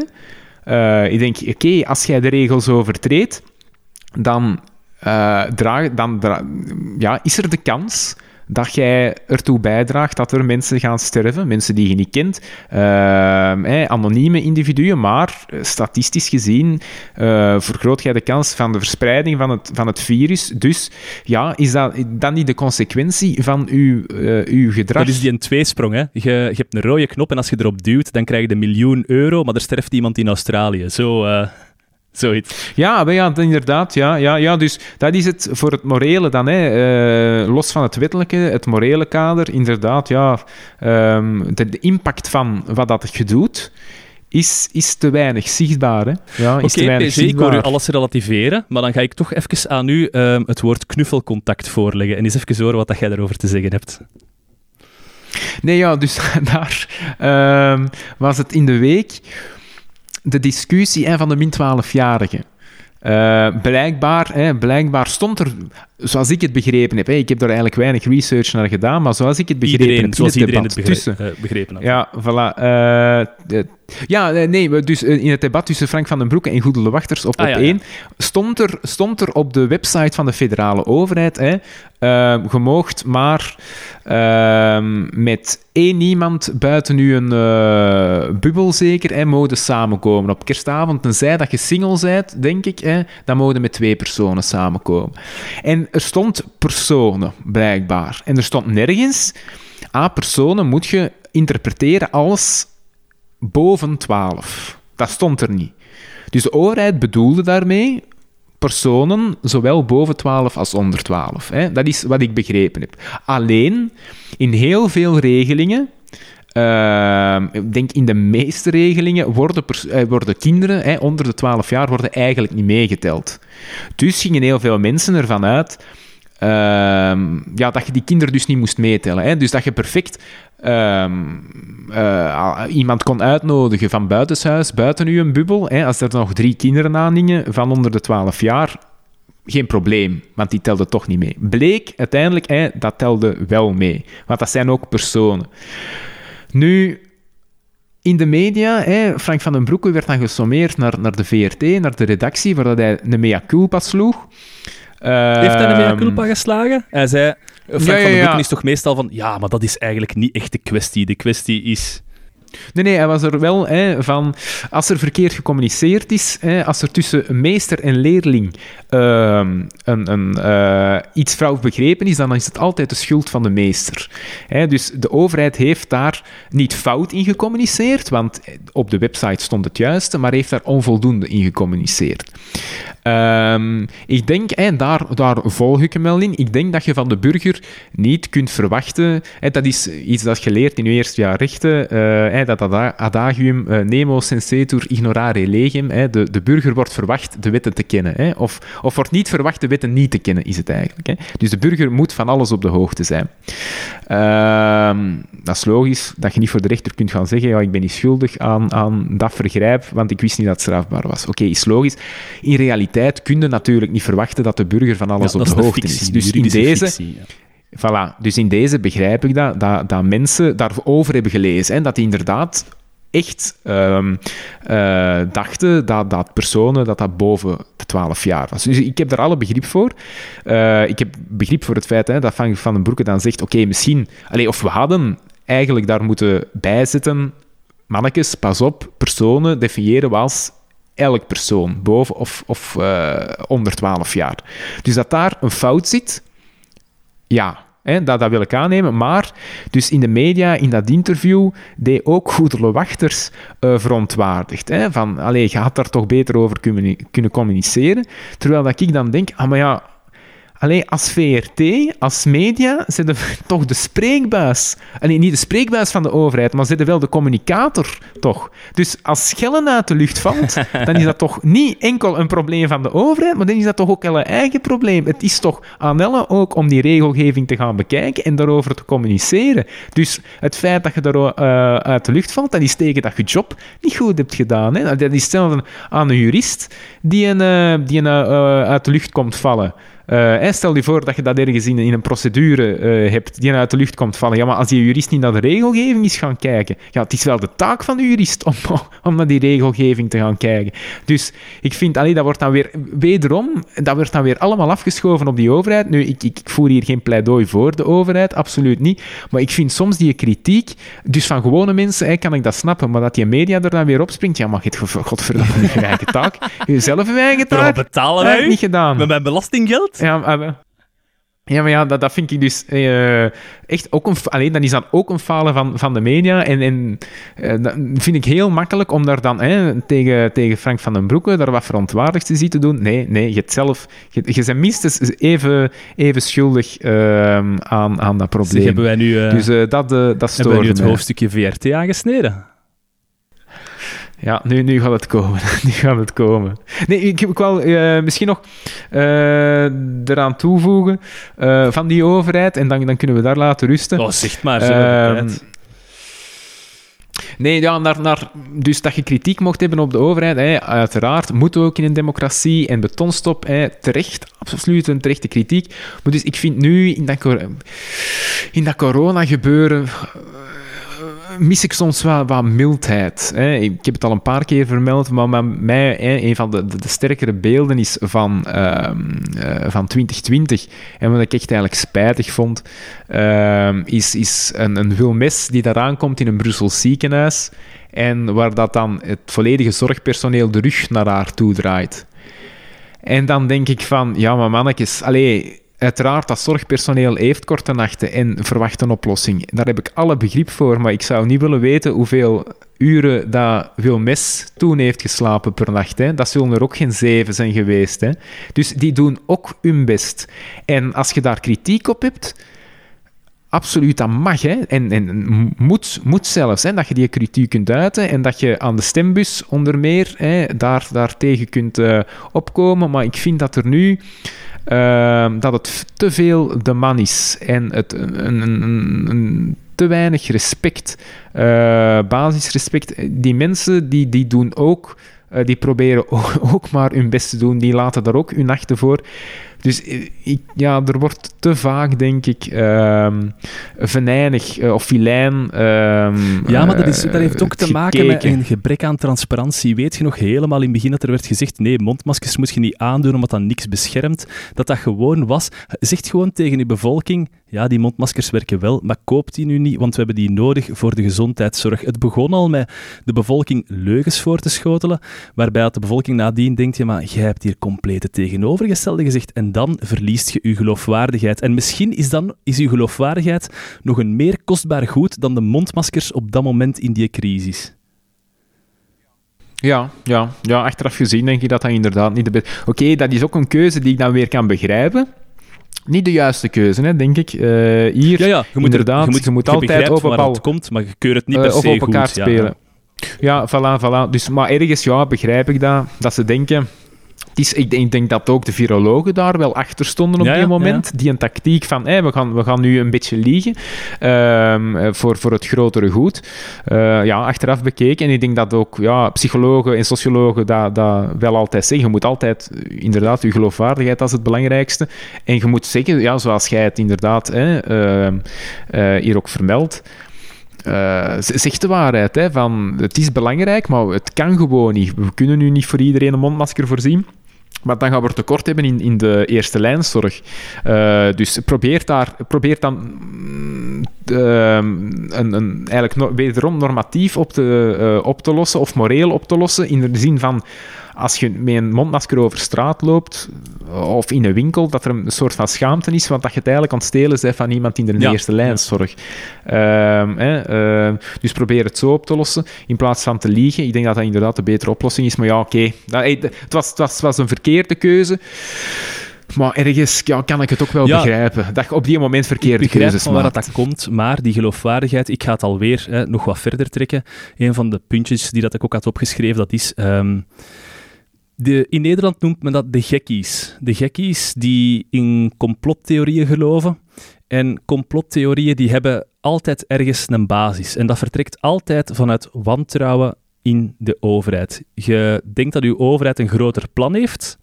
En op sommige punten komt dat uit. Komt dat uit als ze denken, maar ze zijn niet eerlijk bij ons, ze zijn iets aan het vertellen. Hè? Je ziet ook die hele de reden waarom dat wij nu ineens praten over gaat je laten inenten. Wat, voor een vraag is dat nu, gaat je laten inenten? Ja, natuurlijk ga ik me laten inenten, maar dat, is, dat komt overgewaaid vanuit een complotdenken dat mainstream is geworden en daar moeten we schrik van hebben.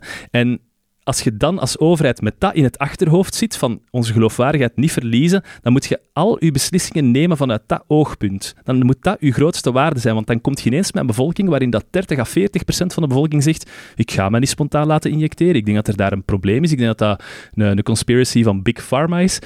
En dan zijn ze wel heel, heel, heel ver weg van huis. Hè. Ik vind dat opmerkelijk dat die ja, okay. complottheorieën zo, ja, zo mainstream geworden is. Uh, ja, maar uh, op het eerste nog eens terugkomt, ja, mee eens. Absoluut mee eens. Dat je dat misschien altijd in het achterhoofd moet houden. En dat je dat ook in het achterhoofd had moeten houden in het begin van het jaar toen dat je communiceerde.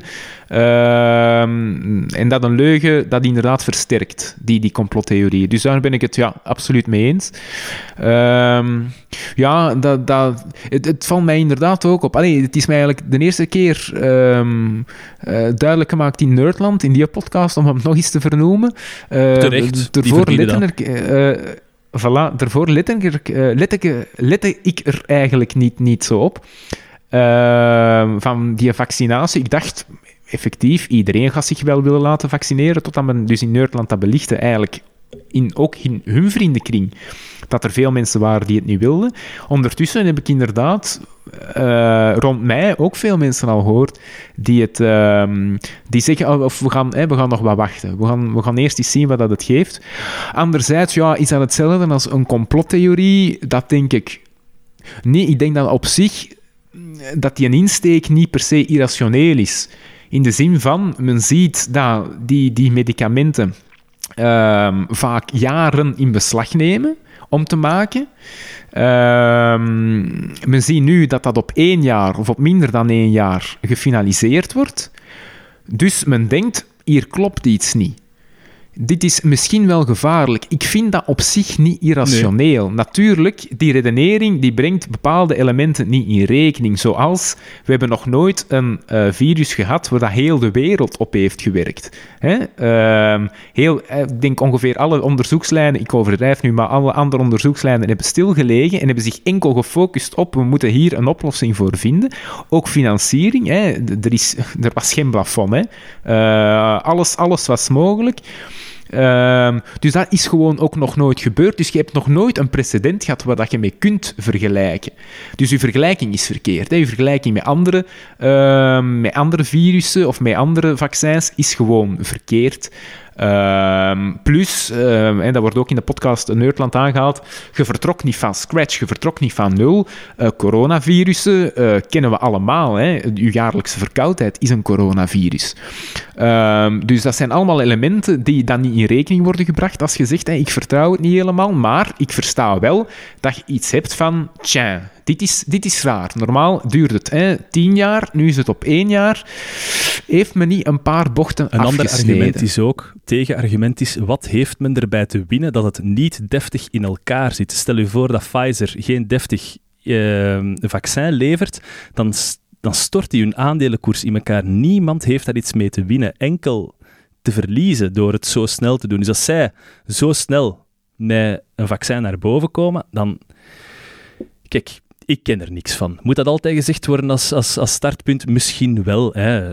In elke discussie, ik ken er niets van, maar ik geloof wel in de mensen die dat er iets van kennen. Misschien moeten we gewoon... Ik snap niet hoe dat we dat, dat, dat, we dat vertrouwen ineens verloren zijn in die mensen. Terwijl die mm. niks, niks ah, gedaan ah, hebben om het tegendeel te bewijzen. Hè?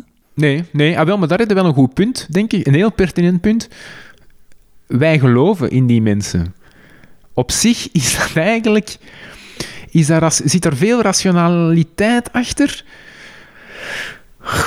Ja, allee, hè, je denkt dat is allemaal goed onderzocht. Um, dus dat zal allemaal wel kloppen. Maar zoals gezegd, ik ken daar ook niks van. Hè. Ik ben die onderzoeksresultaten ook niet gaan nagaan van Pfizer. Ik neem aan dat dat klopt. Als Hetty Helsmoor van mij zegt dat dat goed is en dat hij als eerste in de lijn gaat staan, ja, dan zal ik erachter gaan staan. want ik vertrouw die. Vertrouwen. Ik vertrouw die. Dan mogen je niet verliezen. Dat, ja. Nee, nee, inderdaad. Maar op zich is dat ook weinig rationeel. Hè op zich, wat vroeger de priester zei, van, eh, of, of nu insectes gebeurt, ja... Iedereen dat nu zegt, uh, die, die, die flat earthers, of nee, nee, nee, zo, die flat earth, of nee, um, uh, de mensen die dan meer geloven in God, je weet toch dat het een Big Bang is? Ja, maar leg een keer uit wat dat een Big Bang is. Niemand kan het u uitleggen, behalve Lemaitre, maar die is al dood. Dus, ja... Mm ja, ja, dat is, ja, dat inderdaad, eh, ik denk krak hetzelfde. Hè. Als je uh, op familiefeesten, als je inderdaad daar vraagt van hè, wat vinden nu van creationisten en mensen die, die uh, of, of mensen in de islam die daar niet geloven, de evolutietheorie, of, of de Big Bang, et cetera. En dan zullen die allemaal zo, maar dat zijn toch idioten en dit en dat. Ah ja, want je gelooft, je gelooft in de evolutietheorie, je gelooft in, in een Big Bang. En, maar als je dan vraagt, waarom geloof je daarin? Ja, omdat dat in een boek staat, hè omdat je dat zo geleerd hebt. Hè? Maar er is nog een verschil met de gekkies, want die bedenken hun eigen theorie, die dan nooit bewezen raakt. En als het niet bewezen is, dan zal het wel een fout zijn in de opstelling. En ja, we kunnen we gewoon oproepen, laat u vaccineren alstublieft. Je twijfelt daar niet over, doe dat. Want de overheid heeft twee mogelijkheden. Hè. We, we maken het facultatief, en dan zorgen we ervoor dat er zo min mogelijk verzet is. Of we maken het verplicht. Maar als je het verplicht maakt, creëer je misschien nog meer verzet dan dat er al is als je het facultatief ja. houdt. Ja, maar ja, ik denk inderdaad allee, dat Nerdland ook daar juist belichten. Hè, ja, als je dat gaat opleggen, dat dat ook weer gaat versterken. Hè, die, die groep gaat versterken van zie het, er is een complot bezig. Dus dat dat niet de juiste ingesteldheid is. Maar ja, en ook wat men wederom in, in Nerdland al aangeeft, de meeste mensen, ook in onze vriendenkringen dan, die, die enige reserves hebben voor, voor te laten vaccineren, dat zijn wel mensen die, die uh, inderdaad niet tot die gekkies behoren en die je wel nog kunt overtuigen. Met, denk ik, argumenten hè, als zijnde, ja, het is niet zo raar dat er nu al een vaccin is. Um, en gelet op eh, de voorgeschiedenis, gelet op het feit dat heel de wereld daaraan heeft gewerkt. Uh, dus dus die, die zijn absoluut nog wel voor reden vatbaar. En dus ja, is het, is het uh, de taak van onder meer een wetenschapspodcast als, als Nerdland, misschien in mindere ja. mate onze taak, maar oké, okay, om, om mensen daarvan te overtuigen dat men daar geloof mag aan hechten. Het is dat. Je mag je, uh, je vertrouwen in de overheid verloren zijn, wat dat, al ja, dat kan het geval zijn, maar gaat dan tenminste uit van andere mensen die dat je wel vertrouwt, die dat zich daar opwerpen, op die wetenschapscommunicatoren, uh, vertrouw die dan alvast. Um, voilà. Hetty for president. Ja, Hetty Helsmoort al. Oh, wat een held. Um, nu, de VRT. er is onlangs een vernietigend auditrapport uitgebracht over de VRT. Ik heb dat opgevraagd bij Audit Vlaanderen, maar ik kreeg daar geen toestemming toe, omdat... Uh, ja, omdat daar persoonlijke informatie in staat en volgens de regels moet je persoonlijk gegriefd zijn of persoonlijk betrokken zijn bij het rapport om daar toegang tot te krijgen. Dus de oproep tot de, uh, tot de luisteraars nu is, stuur dat door. Als je dat hebt, stuur dat door. Want het circuleert. Wij hebben het gewoon niet. Het circuleert. Ja. Mm Ja, en daar stonden vernietigende dingen in, hè? Ja, Blijkbaar. Over ik heb het zelf niet zo opgevolgd, maar... Normvervaging, losjes omspringen met de wet overheidsopdrachten, vriendjespolitiek, um, het, het nogal vlot omspringen met celebrities, hè, redelijk veel geld uitgeven aan een aantal klasse-BV's die dat men dan uh, voor zich wilt houden.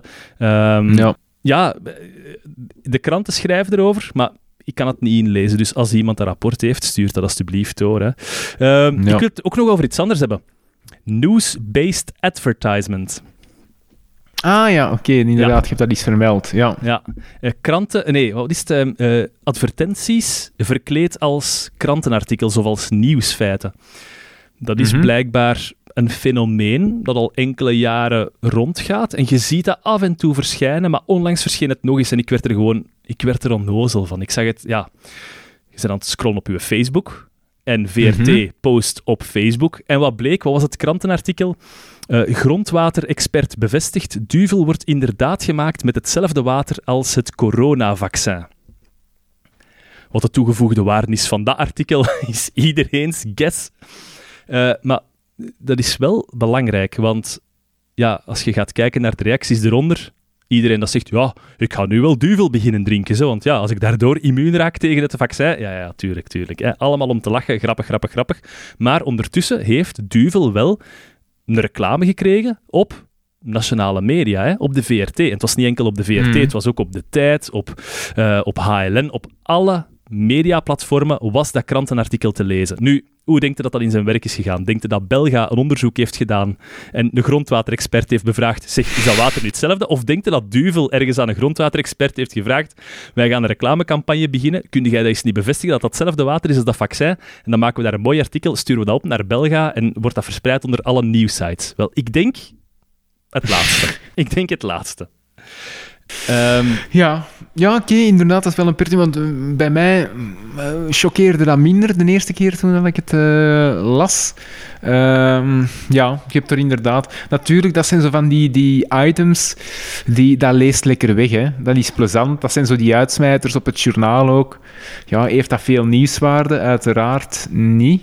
Um, maar het valt wel op als Duvel de week erna begint ja. met een Instagram- en Facebook-reclamecampagne dan merk je wel, mm -hmm. oké, okay, dit komt van ergens.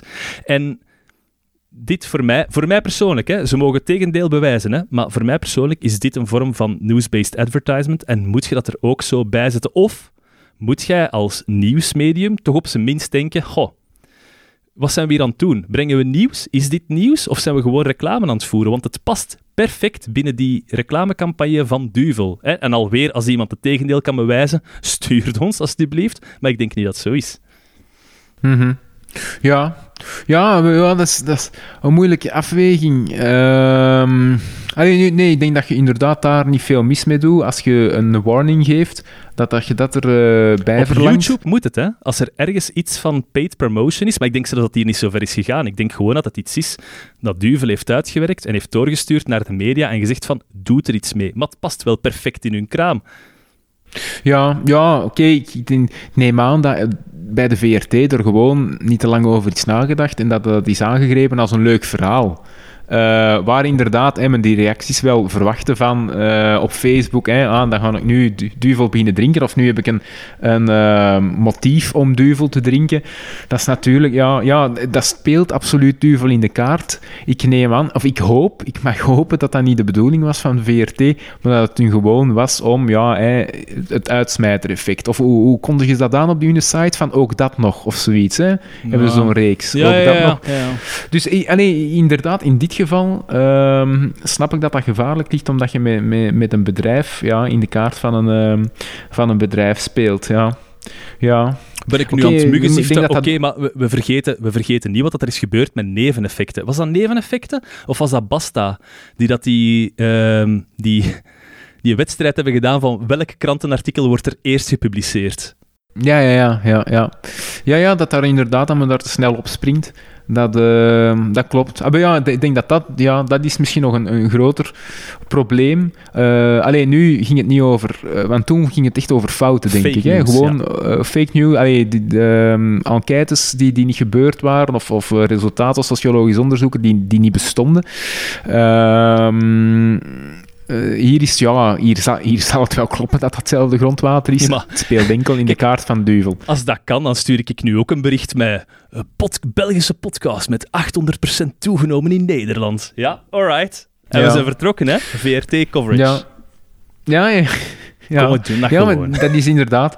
Dat is, dat, Eh, dat is inderdaad het probleem van media. hè. Je wilt, je wilt ja, hip zijn of, of meespringen op, op, op eh, heel kort Twitter. Ehm, eh, ja, je wilt er allemaal heel kort op reageren, heel kort op de bal spelen.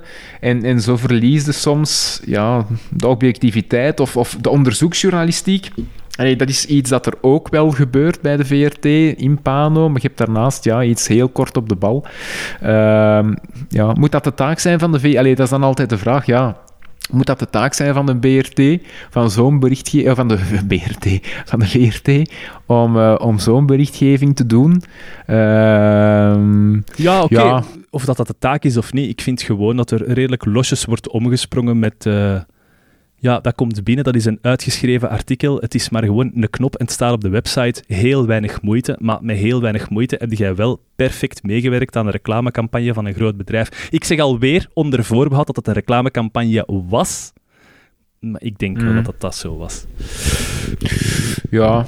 ja, en zelfs als het niet zo was, ja. Omdat de, hè, zelfs als het een initiatief was van de VRT, ja, weten natuurlijk wel Dan is het dat je... verwerpelijk. Ah, ja. Voilà, dan weten dat je één iemand in de kaart aan het spelen bent. Hè. Allee, het, het- ja, het, is, het is wel een leuk item. Hè. Het is ja, iets leuk. Het is een leuk Ja, maar item. het is leuk, dus ik kan maar, maar ver- aannemen- maar ver- verstopt onder een reclamecampagne. En ik vind dat we daar voorzichtig mee moeten omspringen met zo van die zaken. Zeker als, als de tendens is dat je het moet aangeven, zoals op YouTube. Ik heb het gevraagd onder de Facebook-comment, als zijnpisser dat ik weer al ben, gevraagd, is dit news-based advertisement? En als het niet zo is, seriously? Maar ik heb er geen antwoord op gekregen. Wat ik spijtig. Nee, nee. Ja, ja, dat had ik wel kunnen denken. Eh, nee, maar je hebt er inderdaad een terecht punt. Je had daarnet ook gezegd, en ik citeer, voetbal bepaalt ons leven niet. Dat is een uitspraak van eh, Pieter Jan, anno 27 december 2020. Ja, Eh, klopt. Maar ondertussen, en dat is, ja, ik weet niet, ineens is dat opgevallen dat het sportnieuws wel in het midden van het journaal is op de VRT. Op Ah, ja, dacht- ja, ik, ik kijk nooit naar het 7 uur journaal. Dus ik weet, in de andere journaals is dat niet. Maar ja, Ja, omdat die kort, ja. het 7 uur is toch het langste journaal? En dan, ik denk, dan kijk ik Ja, daarna, dan daar, heb ik kijk, alles daar gezien. kijk ik niet naar. En die zetten de sp- sport was vroeger op het einde en sport komt nu vlak in het midden. Of is dat, is dat een fout van mij? Want vroeger dacht ik sport, ik zet het af. Maar na die sport komen er nog andere nieuwsitems. Sinds wanneer hebben wij beslist dat? En dat, dat is niet sport, hè, dat is fucking voetbal. Echt fucking voetbal. Wie heeft Ja, er en- beslist dat voetbal zo belangrijk is? Dat ik, en, maar echt erop, erop ingaan, hè, bijna even lang als het hoofdnieuws. Dat ik denk, wat is er nu gebeurd? Wat, wat is er nu gebeurd? Er wordt niet eens match gespeeld. Dus er zijn een aantal spelers betrapt op een coronafeestje. Ja, oké. Boe fucking hoe? Nee, nee ja, als dat inderdaad het geval is, dat dat nu middenin... eh ja, dat vind ik ook eh, een, een rare evolutie dan. Eh, maar en dus, het is niet dat men daarna een uitsmijter geeft. Het is echt nog... Het is cultuurnieuws en Buit- zo voort, hè? Alleen niet, geen uitsmijters, hè? Nee, nee, het is, het is cultuurnieuws, hè? Ah ja, ja. Maar was dat niet... Eh, Was dat vroeger ook zo, of valt dat mij nu ineens op? Of, ik weet Ah, wel, maar en zo buitenlandse, buitenlandse dingen. Buitenlands nieuws. Is dat ervoor? Weet je wat? We gaan er gewoon allemaal eens op letten. En, Ja. Ja, maar, ja, maar ik kan zeggen, ik, ik, ik volg het 7 uur journaal, dat is, ik volg ofwel het middag ofwel het uh, late avondjournaal. ik ga het dus. zo zeggen. Als ik van VRT overzap op VTM op het moment dat de sport bezig is, dan zijn ze op de VTM niet bezig over sport. Zijn ze nog altijd bezig over het nieuws. Ja, Ja. oké. Alweer een oproep, Ja. stop, stop met die sport. Echt, nobody cares. Nee, nee, dat is niet waar. Nobody Nobo- cares. Maar Nobody cares. echt, heel veel mensen geven niet om voetbal. Besef dat nu toch gewoon. Ah, Ja. Ik word hier ziek, joh. Ja, en het is, het is elke dag, hè. Elke dag is Elke voetbal dag voetbal. Elke op dag tv. voetbal. Ja, Zeg, PG, ja oké. 2020 is ook het jaar waarin dat er eh, problemen omtrent de studievoortgang van ehm, studenten werd belicht. Er is een probleem met onze studenten. Die doen er te lang over eer dat ze hun diploma halen. Ja. En het is al in verschillende universiteiten geopperd. Ja, we moeten strenger zijn in het eerste jaar. Zien dat ze alle vakken tenminste al mee hebben voordat je naar je tweede jaar mocht gaan. Of dat je in je tweede jaar al je vakken van je eerste jaar moet hebben afgerond enzovoort. Maar dat is een deel van het probleem voor mij. Jij hebt ook gewerkt aan de universiteit. En Gedaan alsof, ja. gedaan alsof. Nee, nee, nee, je waart daar wel goed actief. En er is een ander probleem. Er is een probleem waarin dat je in de masterjaren wordt geconfronteerd met slechte studenten. Ken je het? Mhm. Eh, ik, ik, ik ben mij ervan bewust. Ja, ja, ja, dat je inderdaad ja, u afvraagt, die moeten volgend jaar naar eh, de arbeidsmarkt. En die Kwiet, voldoen niet ja. aan de basiscompetenties van een bachelor, laat staan een masterstudent. Mhm. Ja. En, en wat is een tendens bij een aantal assistenten die geconfronteerd worden met iemand dat echt slecht is? Ja, maar ik denk dat dat een, een, een tendens is die je in alle jaren ziet, en ook in de lagere school, in, in de middelbare school. Ja. Ja, dat je, dat je inderdaad niet meer gaat zeggen... Die, die drie jaar die je gedaan hebt, of die vier jaar die je gedaan hebt, tant pis, maar je komt hier niet door. Eh, Dat is geen een tendens. iets... Dat is geen een tendens. Wat, de tendens is, je geeft die een tien dat die weg zijn. Ah, ja, ja. Ah, Ah, ja. maar dus daar bedoel ik mee dat je dat in het achterhoofd houdt van... eh, ze hebben al vier jaar gedaan, je kunt ze nu niet, Ja, ja, ja, oké, sorry. nu, Ja, ja. Nu, niet, nu niet tegenhouden. Ja. Je kunt niet in dat vijfde jaar zeggen... eh, en eigenlijk, eigenlijk, we wassen ons handen in onschuld. Wij, wij laten ze erdoor omdat iemand in de jaren ervoor ze er heeft doorgelaten. Dus het ligt niet aan ons, het ligt, ligt vroeger in de keten. Eh, wat ik ja, ergens natuurlijk wel kan begrijpen, dat het, ehm, als iemand op, in zijn vierde jaar eh, of in zijn vijfde jaar eh, de skills beheert, niet beheerst die hij eigenlijk in zijn eerste of tweede jaar zou moeten hebben, ja, dan is het natuurlijk vrij cru om die er in zijn vijfde jaar nog voor tegen te houden. En, en dat lijkt Natuurlijk, Dat lijkt, ex- dat lijkt ehm, extreem wat dat je nu zegt, maar dat is wel wat dat er gebeurt. Hè. Studenten in hun vijfde jaar hebben de competenties niet die ze aanleren in hun eerste en hun tweede jaar. Het is een minderheid, hè, maar dat gebeurt Mm. elk jaar opnieuw. Ja, ja, ja. Ah, maar ik denk dat dat iets breder is dan, dan enkel aan de UNIF. Ja, dat, het, het verlagen van de lat. Ehm, wat dan daar ook de reden van eh, mogen zijn. Maar ja, het is iets dat, dat u langs verschillende kanten, dat verhaal bereikt u langs verschillende kanten. Je hoort dat van ieder, oh nee, ongeveer alle, alle leerkrachten en zelfs jonge leerkrachten, hè, die, die dan tien jaar eh, in, in het onderwijs staan. Zelfs zij merken een verschil. Een verschil tussen het begin en, en, en nu. Maar je, Eh, ziet qua, dat, qua niveau, qua vragen die ze kunnen stellen, et cetera. maar je ziet dat ook op de arbeidsmarkt. Hè. Het concept wegpromoveren. Als er iemand in je organisatie zit die echt niet goed is, wat gebeurt er? Je promoveert die naar een hoger niveau. Dan zit er vanaf. Dan allee, geeft hij een promotie, je zijt er vanaf Eh, en dan zitten ze oké. op een ander niveau met dat probleem. Ehm, Ja, ja, ja oké, je hebt het inderdaad over de reactie die we daar tegenover stellen, ja. ja. Ja, dat ik zeg klopt. niet dat ik dat doe, hè, want ik ben daar heel categoriek in. Ik zeg, dus, nee, je bent gebuist. Ik ben een regelnazi op dat vlak. Hè. Maar ehm, daarom dat ik... Ik wil het probleem duiden, maar ook met een oplossing komen. Althans, voorstel tot. Hè. Ik ben al Ja. lang voorstander van een systeem van red flags. ehm, rode vlaggetjes opwerpen. In de zin van... ehm, het lijkt voor een buitenstaander alsof een student, als die een bezig is aan zijn traject, dat de universiteit of de hogeschool of whatever een redelijk goed beeld heeft over de studieprogressie van die student. Maar dat is niet waar. Die kennis over die student is gefragmenteerd over individuele mensen die elk hun eigen problemen hebben ondervonden met die bepaalde student. Uh, of studenten, uiteraard. Hè. Ik spreek hier altijd met twee woorden. Nu, als je dan uiteindelijk contact opneemt met de studiefaciliteitendiensten, hè, de, de administratie, en je praat over je student, dan hoor je al een zucht. Dat komt niet van dat komt niet uit het niets, die frustratie bij mhm. die mensen. Hè. Die weten ook, met je student is er iets mis. Dus als je navraagt, dan merkte dat dat signaal al is opgepikt bij verschillende mensen. Dus ik werk met een ik wil een systeem invoeren, maar ik ben uiteraard niemand.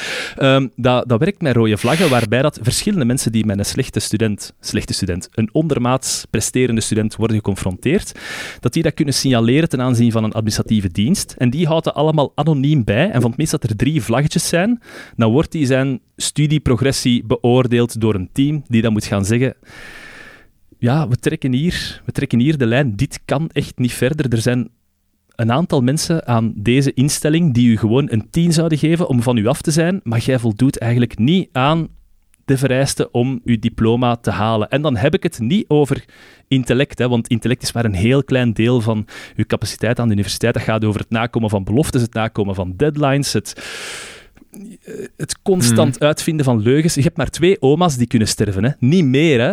Uh, uw computer kan maar twee keer crashen op een jaar. Allee, de deadline... Ja, ja, ehm, ja.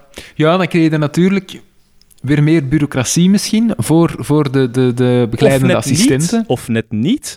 Het, de bureaucratie is nu dat wij met shit opgezadeld worden van studenten die ondermaats presteren en dat wij het moeten proberen te redden. Wat dat je kunt doen is, je kunt zeggen, ik stuur een begeleidende e-mail met dit zijn de problemen en dan komt er een comité erover, Waakter, ja, die spreekt zich daarover uit en dan hebben we een oplossing. Is dat zoveel bureaucratie meer? Goh, ik weet het niet hoor. Ja, natuurlijk aan, aan zo'n grote universiteiten als Leuven, die één op één beoordeling, die je, die, daar heb je gewoon de kans niet toe. Hè. Ehm, ik denk de eerste kans die je daartoe krijgt is, en dat is dan nog altijd in groepen van 20, 40, 60 man, is het werkcollege in het, in het derde jaar, waarop, dat, waarop dat je dan iets individueler werkt. Maar die eerste twee jaar rode vlaggen signaleren, ja, dan zijn, zijn er toch ook enkele examens die je daar hebt. Ik heb het daar niet over. Hè. Dat is net het punt. Die examens, dat geeft geen goed beeld van hoe dan een student presteert. Sowieso niet. Mhm. Het is de individuele begeleiding, naar aanleiding van de Dat zijn wel de enige dingen die... Of de masterproef. Ja, okay. en ik dan zitten we in het derde jaar, hè? Ja, ja maar ik, ik bedoel, ik, ik, ik, wil het nu niet betrekken op universiteit, ik wil het breder, breder trekken. Hè. Ik vind dat dit een systeem zou moeten zijn dat over heel veel verschillende sectoren moet worden uitgerold. Ik zie dat ook in de professionele sfeer, dat mensen met iemand samenwerken waarvan dat iedereen zegt, daar kun je nu toch niet mee samenwerken, maar niemand durft de klokkenluider te zijn als je werkt met een systeem van rode vlaggen, dat je opwerpt, dat je weet aan mijn e-mail, hè, het, het, het, het concept van de, van de executie. Hè. Op een, iedereen drukt tegelijkertijd op een knop en niemand weet welke, knop dat, eh, welke knop dat determinerend was voor de ophanging of zoiets. Uh, voilà, je, je geeft een rode vlag en vanaf dan is het uit je handen. Als er andere mensen ook een rode vlag geven, oké, dan wordt er over gepraat. Nee, ja, het is... Het is... Oh, zo'n ja, zo'n individuele begeleiding, Allee, dat, dat blijft moeilijk in, in, in de grote groepen die, die, die je hebt aan de universiteit. Ehm, maar, maar het is inderdaad ja, een goed punt. Maar dat is het punt, een goed punt dat daar misschien nog... Um... de probleemstudenten, ehm, die zijn gekend door een aantal individuen aan de universiteit, net omdat die zoveel extra tijd vrijsen dan andere studenten.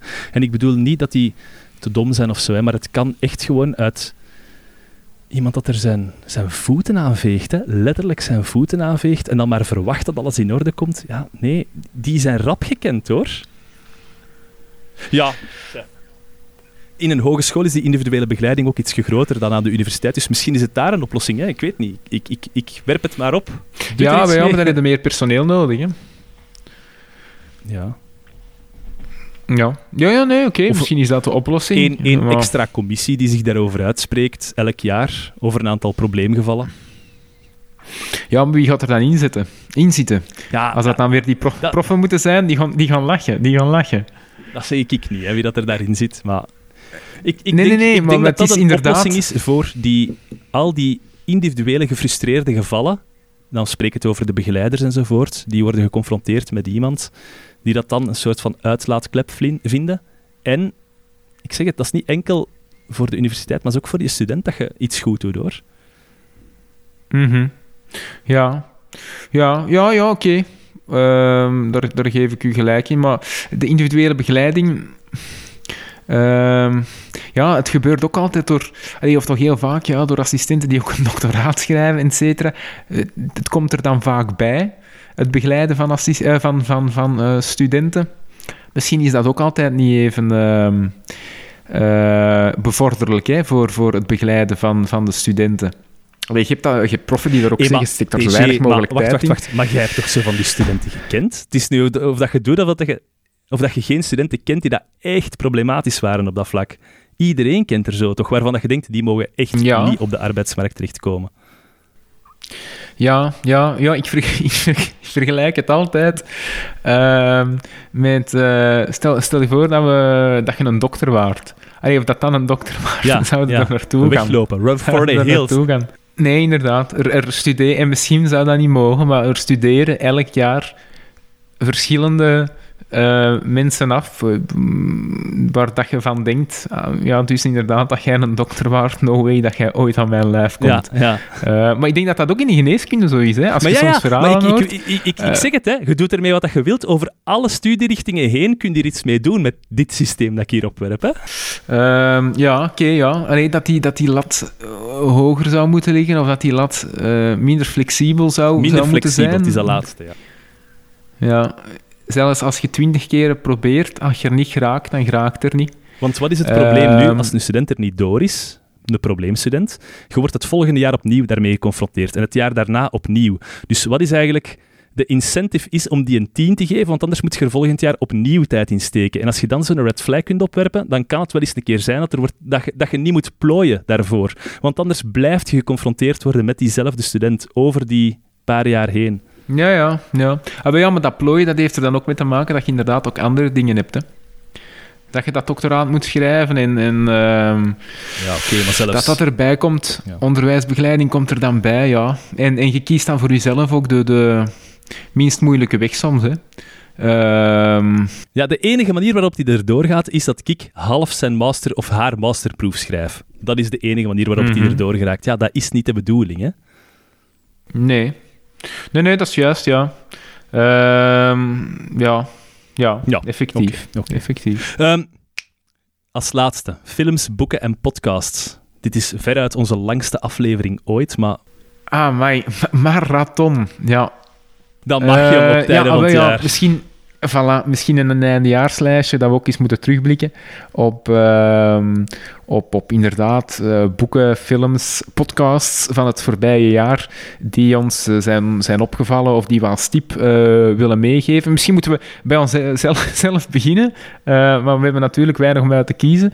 Maar wat vond jij de, de leukste ehm, podcastaflevering van ons, hè, van, van dit jaar, Steven? Ik heb al vaak gezegd, Bruno Herman, Privacy. Ja, ja effectief. eh, ook omdat we weten dat hem luistert natuurlijk eh, naar deze podcast. Misschien nu niet meer, na drie uur misschien niet meer. Sowieso, Maar- sowieso. Met. Nee, ja, ik, ik, eh, ik, ik vond dat inderdaad ja, ook wel... ehm, ehm, ja, ja, een aflevering. Alleen wat ik bepaalde inzichten heb verworven. ehm, Het is dat. Bij elke podcast bereid je je voor en stelt je de vragen aan de hand van wat dat je gelezen hebt. Maar bij sommige podcasts gaat je wereld nog meer open dan de voorbereiding die dat je hebt gedaan. Ja, voilà. Voilà, ja. Dus ik, ik, ik, kan me daar wel, eh, ik kan me daar wel bij aansluiten. En dan eh, het, het verdere podcastlandschap, eh, Steven. Natuurlijk, ni- niets, niets kan typen aan, mag het iets minder zijn, maar als we dan toch, toch, toch eens moeten gaan kijken, zijn er bepaalde podcastreeksen of, of afleveringen die je nog wilt aanraden? Ja, ik blijf het zeggen, de Rudy en Freddy Show. Echt, maar iedereen dat Ja. luistert, moet luisteren naar de Rudy en Freddy Show van de correspondent. Eh, daarnaast eh, Mosselen om half twee met Xander de Rijke. Dat is een podcast dat eigenlijk al gedaan is. Maar er zitten een aantal parels in, zeker als hij samen zit met de neveneffecten, die zijn hilarisch. Eh, en dan, Welcome to the AA, met ja, Alex Agnew en Andries Bekkers. Ik blijf dat zeggen. Waarom? Ik vind dat die zo'n... spontaniteit kunnen blijven geven in hun podcast. Dat lijkt precies alsof die mannen op café zitten en dat er geen microfoon aanwezig is of zo. Zo Mhm, spontaan ja, zijn die. En dat is heel tof om naar te luisteren. Niet altijd de meest interessante gasten, maar dat moet ook niet. Eh, dat, het moet niet altijd...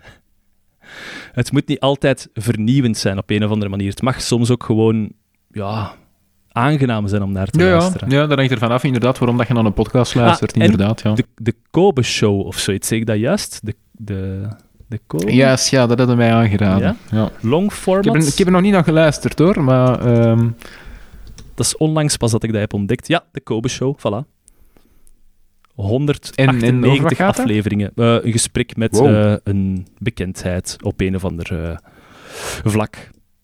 Dat gaat vaak over... ah ja, dus het, is dezelfde insteek als de EE dan. Ja, ja, ja. Maar ehm, rustiger. Heel rustig, één op één. Ehm, Ja, gezapig tempo. ja. En bij u?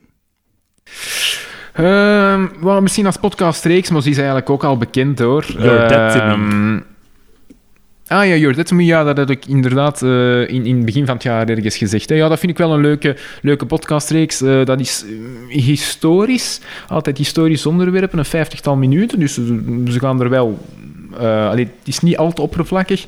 En het is altijd een combinatie van, ja, oké, de presentator uiteraard, maar dan een historicus, iemand gespecialiseerd in het onderwerp, en een comedian. Of een comedienne. Eh, en dat is wel altijd een leuke, een leuke kruisbestuiving eh, dat, daar, dat daaruit volgt. Ehm, ja, dat is van een BBC, dus dat is wel plezant. Ehm, ja, dan een andere reeks, hè, maar dus de- waarschijnlijk al voldoende gekend, is eh, Zigo, Zwijgen is geen optie. Oei, dat ken ik niet. Ken dat niet? Zwijgen is geen optie, ja, dat is wel... Ik ga, dat- ik ga dat meteen eh, subscriben. Ja, dat is ook gesprekken met ehm, bekendere mensen, maar dan ja, geen BV's, eh, maar wetenschappers, historici, ehm, mensen uit het bedrijfsleven, een, een 1 à 2 uur. Eh, en zitten die samen ja, over de, de bredere vragen, meestal maatschappelijke vragen. Ehm, Bush was eh, enkele weken geleden, eh, die nu ehm, het Hannah Arendt Instituut leidt daar in Mechelen. Vroeger de, de directeur van de docentkazerne, bijvoorbeeld. Ja, Christophe Bush. Ehm, hè, het is, het is eh, Thomas, eh, Thomas Hertog, kan dat? De, de eh, sidekick, de vroegere sidekick van eh, Stephen eh, Hawking. Eh, is dat niet Thomas Hertog? Ik denk het wel, dus die Geen was ook enkele weken geleden. Hetty Helsmoort, dat is er denk ik deze, eh, dit jaar ook op geweest. Dus het, het is wel ook een concept van eh, eigenlijk, ik denk de insteek is ongeveer hetzelfde als die van ons. Eh, zij waren eerst hoor. Eh, in de zin van eh, gesprek wel één op één, hè, maar een gesprek in, eh, in de diepte. Eh, u een tijd voor kunnen nemen, één à twee uur. Eh, maar ja, er zit minder humor in. Er zit minder Ah, ja. humor in. En Dus- vertrekt het vanuit maar- een mediaproductie? Nee, nee, het is dus echt, ik denk ook twee, twee personen die, die daar zijn ingerold als echt een hobby. Ah, ja, ja. En niet verbonden aan, nee. Dus je kunt, ja, je hebt het mecenaat, daar roepen ze altijd tot op, dat moeten we misschien ook doen. Eh mecenaat is dan, dan een soort van ja, een eh, maandelijkse bijdrage. Ehm, en dan heb je bepaalde privileges. Ja, dus in, in niet-coronatijden kun je dan, denk ik, het gesprek bijwonen. Ehm, maar dus de gesprekken zijn eh, voor iedereen beschikbaar. Hè? Oké. Eh, maar dus je hebt dan een bepaalde privilege. Nee, maar dus ik vind dat... ehm, het hangt af van spreker tot spreker, maar vaak, ehm, vaak wel ja, op, een, op een zeer rustige wijze kunnen dan eh, die onderzoekers hun, ehm, hun, hun onderzoek ja, toelichten. Het zijn, het zijn meestal wel de gevestigde waarden. Dus ja. wij, omdat wij nog niet op dat niveau spelen, waarschijnlijk, hè, proberen wij mensen nog eh, eruit te pikken die, die niet dat En ook omdat dat niet hebben. moet, hè. Je moet niet... Nee, nee, inderdaad. inderdaad. Ah, wel, maar dus, zij spelen in de, eh, in de A-reeks, hè, met Hetty Helsmoort We en Christophe en Bush, et cetera. niet, Dus... Nee, voilà, nog niet, hè? Nog niet. Maar dus dat is, dat is zeker de moeite waard. Ehm, en dan, nee, nog een, een aflevering die ik... eh, dus een aflevering dan die ik heel interessant vond. Van interne keuken, oké, dat is hè, ons moedervoorbeeld. Dat vind ik nog altijd... Ze gaan niet in de diepte. Het is maar 20 minuten of 25 Laat minuten me per raden. onderwerp dat men praat. De aflevering over strijkstokken. Af en toe heb je die toch afleveringen Ja. waarvan dat je denkt... Jesus, fuck, man. Ja, wel ja, dus dat is dan een downside dat je soms hebt, dat je inderdaad denkt... Allee, anderzijds, omdat het maar 20 minuten Ja, is, ja, ja. denk je dan, oké, hè, ja, dat willen, we nog, dat willen we nog beluisteren. 20 minuten over strijkstokken en over pa Mongoolse paarden. Maar bon, eh, nee, enkele, enkele weken geleden was er ehm, over... eh, wetenschappelijk onderzoek, een item over wetenschappelijk Ah, onderzoeken. gezegd, ja, ja. Voilà. En het feit dat daar eigenlijk heel weinig ehm, weerwoord op komt. Dat je heel makkelijk als wetenschapper iets kunt poneren en dat dat maar heel zelden eh, ontkracht wordt, omdat het dus het, het eh, follow-up onderzoek, hè, dus iets dat al onderzocht is, om dan nog eens eh, te gaan dubbelchecken hè, op basis van de data die gebruikt zijn in het eerste onderzoek, kom ik nu hetzelfde uit, wat eigenlijk wel belangrijk is. Ehm, waar wetenschap eigenlijk ook ergens om draait, hè, checken, een wedercheck, dat dat heel vaak niet gebeurt. Dat dat maar alleen in, in eh, minder dan 10% van de gevallen denk ik dat dat effectief gebeurt. Dat je, dat je gecheckt wordt. Ehm, een andere mogelijkheid hè, om te checken in de wetenschappelijke wereld Wacht, is mag- peer review. Mag ik, mag ik even Ja. onderbreken? Het, eh, de bedoeling is, bij een wetenschappelijk onderzoek zeg je, dit is mijn resultaat, maar belangrijker nog is, dit is mijn proefopstelling. En voor iedereen die het ooit opnieuw wilt proberen, zijn dit alle dingen die dat ik gedaan heb. En dan kom je tot dat resultaat om te kijken of dat je niet Voilà. gewoon ja, larie en apenkool verkoopt of zo. Ja, voilà. Dus in de, zeker in de exacte wetenschap is inderdaad het broodleggen van uw methodologie is daar, eh, is daar heel belangrijk. Hè? Eh, dat je het inderdaad kunt herhalen, het onderzoek. Want anders, ja, als je het niet kunt herhalen, als je andere resultaten uitkomt en je hebt dat ook niet aangegeven in je eerste onderzoek, dan klopt je eerste onderzoek niet, natuurlijk. Dus, maar dat gebeurt eigenlijk quasi niet. Dat ehm, eh, die een check, hè, dat, eh, dat andere onderzoek, dat follow-up onderzoek, gebeurt quasi niet. Waarom niet? Ja, omdat daar ehm, heel weinig credits mee te verdienen zijn. Eh, met dat eerste onderzoek kun je natuurlijk in een tijdschrift, wat heel belangrijk is, publicatiedruk, je komt in een tijdschrift, ehm, daar, eh, daar wordt veel aandacht aan besteed. Dat is natuurlijk voor een onderzoek dat herhaalt dat wordt als niet belangrijk aanzien. Hè. Dat, daar gaat het niet meer opnieuw op eh, de voorpagina mee komen. Hoewel dat, dan natuurlijk dus in het grotere geheel wel heel belangrijk is. Maar omdat het dus minder aandacht krijgt, wordt het als minder eh, belangrijk aanzien. En gebeurt het dus ook veel te weinig.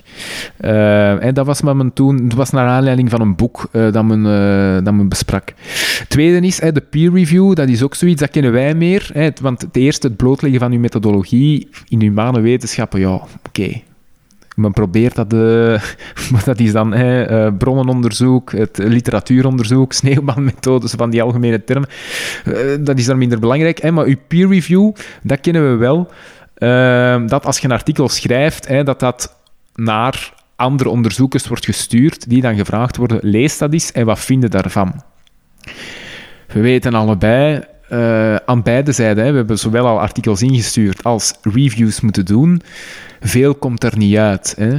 Eh, ook ja, als, als ze mij een artikel doorsturen, 9 van de 10, ken ik daar weinig van. Hè. Ik, of ik Dat daar is het voornaamste probleem, ja. Voilà, ja, kun van naar interne coherentie gaan kijken. Eh, maar als je er echt iets over zou willen schrijven, dan zouden het onderzoek inderdaad bijna al opnieuw moeten gaan doen. Hè. Moeten echt de, bronnen waar dan naar wordt verwezen, moeten ook gaan bekijken. Rechtspraak bij ons dan, hè, wat staat daarin? Klopt dat wel, die interpretatie? Maar daar heb natuurlijk, dat is niet betaald, reviews, hè, daar heb je de tijd niet voor. Ehm, dus eh, ja, echte problemen, echte manco's. Ook omdat onderzoek zo gespecialiseerd is vaak. Je zit op je eigen eilandje. Ehm, is, het, is het moeilijk vaak voor een andere onderzoeker om daar echt iets toe bij te dragen. Om daar een, eh, gemotiveerde stellingname over in te nemen. Iets wat je echt eh, iets mee zei als onderzoek. Dus ook dat gebeurt eigenlijk ehm, te weinig of, of vertoont heel harde manco's, dat, die peer review. Waardoor, resultaat, dat je eigenlijk als wetenschapper met veel dingen wegkomt. Eh, en dat Je is dan vaak eh, het voorbeeld op mij... uw woord. Ehm, ja, ja, ja. En inderdaad, die aura van ik ben professor of ik ben dokter. Dat je inderdaad met... En, en ik heb een onderzoek gedaan. Hè, en en oké, eh, dit zijn... Hè, ik heb het zo en zo en zo gedaan. Eh, dat je daar inderdaad, ja, dat dan een bepaalde aura van geloofwaardigheid geeft. En dat dat dan niet opnieuw wordt getest. Ehm, dat, eh, dat, dat stelt me nog te veel vast. En dus het voorbeeld dat me is bijgebleven, dat me dan ook geeft, uh, is dat er uit een onderzoek was gekomen dat uh, bepaalde uh, medicamenten, ik denk beta-blokkers of uh, wat dan ook, dat dat goed was voor hartpatiënten, denk ik. Hè. Dat was één onderzoek, één onderzoek dat dat aantoonde. Blijkt achteraf gezien dat dat niet, dat dat niet het geval was, dat er fouten waren gebeurd in dat onderzoek. en men uh, voorspelt of men veronderstelt dat door die fout, hè, want iedereen geloofde dat, hè, van beta-blokkers is goed voor hartpatiënten, men, men uh, schat in dat voor die fout, door die fout er 800.000 mensen zouden overleden zijn. 800.000? Ja, dus 800.000. La, laat dat maar 10% zijn. Laat dat maar 80%. Dat is nog altijd jongen, gigantisch Ik was hier daar net aan mijn tand aan toen over de corona-uitbraak en de mysteriële verantwoordelijkheid, maar dit... ja, ja, ja. Dus uh, ja, dat is... Maar uh, ergens, wij zien het dan op veel kleinere schaal in de rechten, maar effectief, ja, je komt met... Ook het schrijven, ja, het schrijven van een doctoraat. Uh, hoeveel keer stoten op iemand die er echt iets van af weet en die u echt kan begeleiden. Uh, ook naar promotoren toe. Allee, wij hebben nu chance gehad uh, met, onze, met onze promotor Steven Lierman, die inderdaad alles van A tot Z leest en u feedback geeft. En, maar je hoort ook heel veel verhalen uh, ja, dat uw begeleiding toch, toch, toch minder is. Uh, dus dan moet al eens chance hebben dat je hier en daar iemand vindt die er inderdaad iets van af weet. Ehm, dus ja, je komt denk ik met veel, met veel weg. En weet jij welke aflevering dat het was? Nee. Nee. nee. Het, was, het was, ik denk in november, oktober, november. Uh, dan moeten de mensen het maar googlen, dan komen ze er ook wel. Ik had het eigenlijk moeten opzoeken, ja. Uh, het was het eerste, het eerste item alleszins, ah, okay, van de vier die dus, behandeld. Ja, uh, ja, ja uh, maar dus nee, ik vond het uh, wel een eye-opener. Allee, echt, ook, echt ook belangrijk. Hè, waarbij ik niet wil suggereren dat het feit dat Mongols paardenaar gebruikt wordt voor strijkstokken niet belangrijk is, maar in... in dat trok echt op niks, die aflevering. ik kan dat niet gewoon zeggen, dat was echt slecht. Dat zijn zo van die fragmenten bij waarbij je dit, allee, in die proberen dat goed te trekken en je merkt dat die aan het trekken zijn aan die kar om dat vooruit te krijgen en dat lukt gewoon niet. Oké, die kunnen daar zelf ook niet aan doen, hè, maar... Nee, nee, nee, dat is Dat is het nadeel van vier onderwerpen per week te hebben, hè. Ja, ja en iedereen te vriend willen. Nou, ik, ik kan mij inbeelden dat er uh, uh, mensen zijn die dat wel interessant vinden. Dat kan ik mij goed inbeelden. Ja, ze maken ook een... Het is niet... Ze maken geen historisch programma of ze maken geen exact wetenschappelijk programma. Ze maken uh, een non-fictieprogramma. Maar non-fictie is natuurlijk... Ja, kan heel breed gaan. Hè. Kan ook over strijkstokken gaan. Dus ja...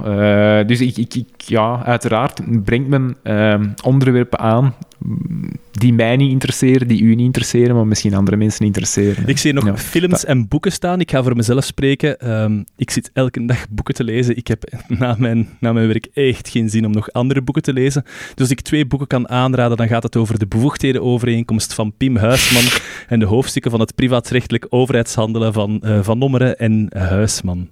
Heb jij nog boeken dat je wilt... Ja, klassiekers. Heb, klassiekers. heb jij boeken dat je wilt aanraden? Um, gewoon echt een memorabel boek. Um, dit jaar eigenlijk niet echt, denk ik. Um, maar iets dat, dat, dat uh, ja, nog op de grens van vorig jaar dan lag, in het najaar van vorig jaar, heb ik dat gelezen. En dan, dat ik echt memorabel vind, uh, East-West Street van Philip Sands. Ik denk dat die in het Nederlands is vertaald als Gallische Wetten. Ja, het ontstaan een stuk van, van mensenrechten, van humaniteit rechten. Uh,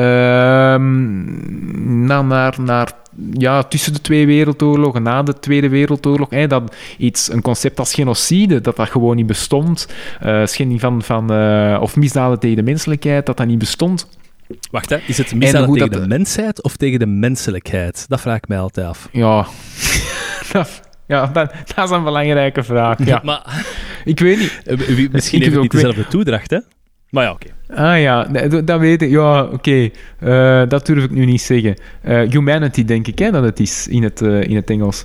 Ehm, maar dus heel, heel mooi, ook heel concreet belicht. Hij, hij, verweeft er dan een stuk persoonlijke geschiedenis door, de auteur, Philip Sands. Samen dan met de geschiedenis van de, de personen die die concepten hebben uitgedacht. Van genocide, van misdaden tegen de mensheid. Dus het, is, het, is, een zeer ja, persoonlijk boek, persoonlijke verhalen, kleine verhalen, maar dan verweven in, in het grote verhaal van uh, de Yeshua in de Tweede Wereldoorlog.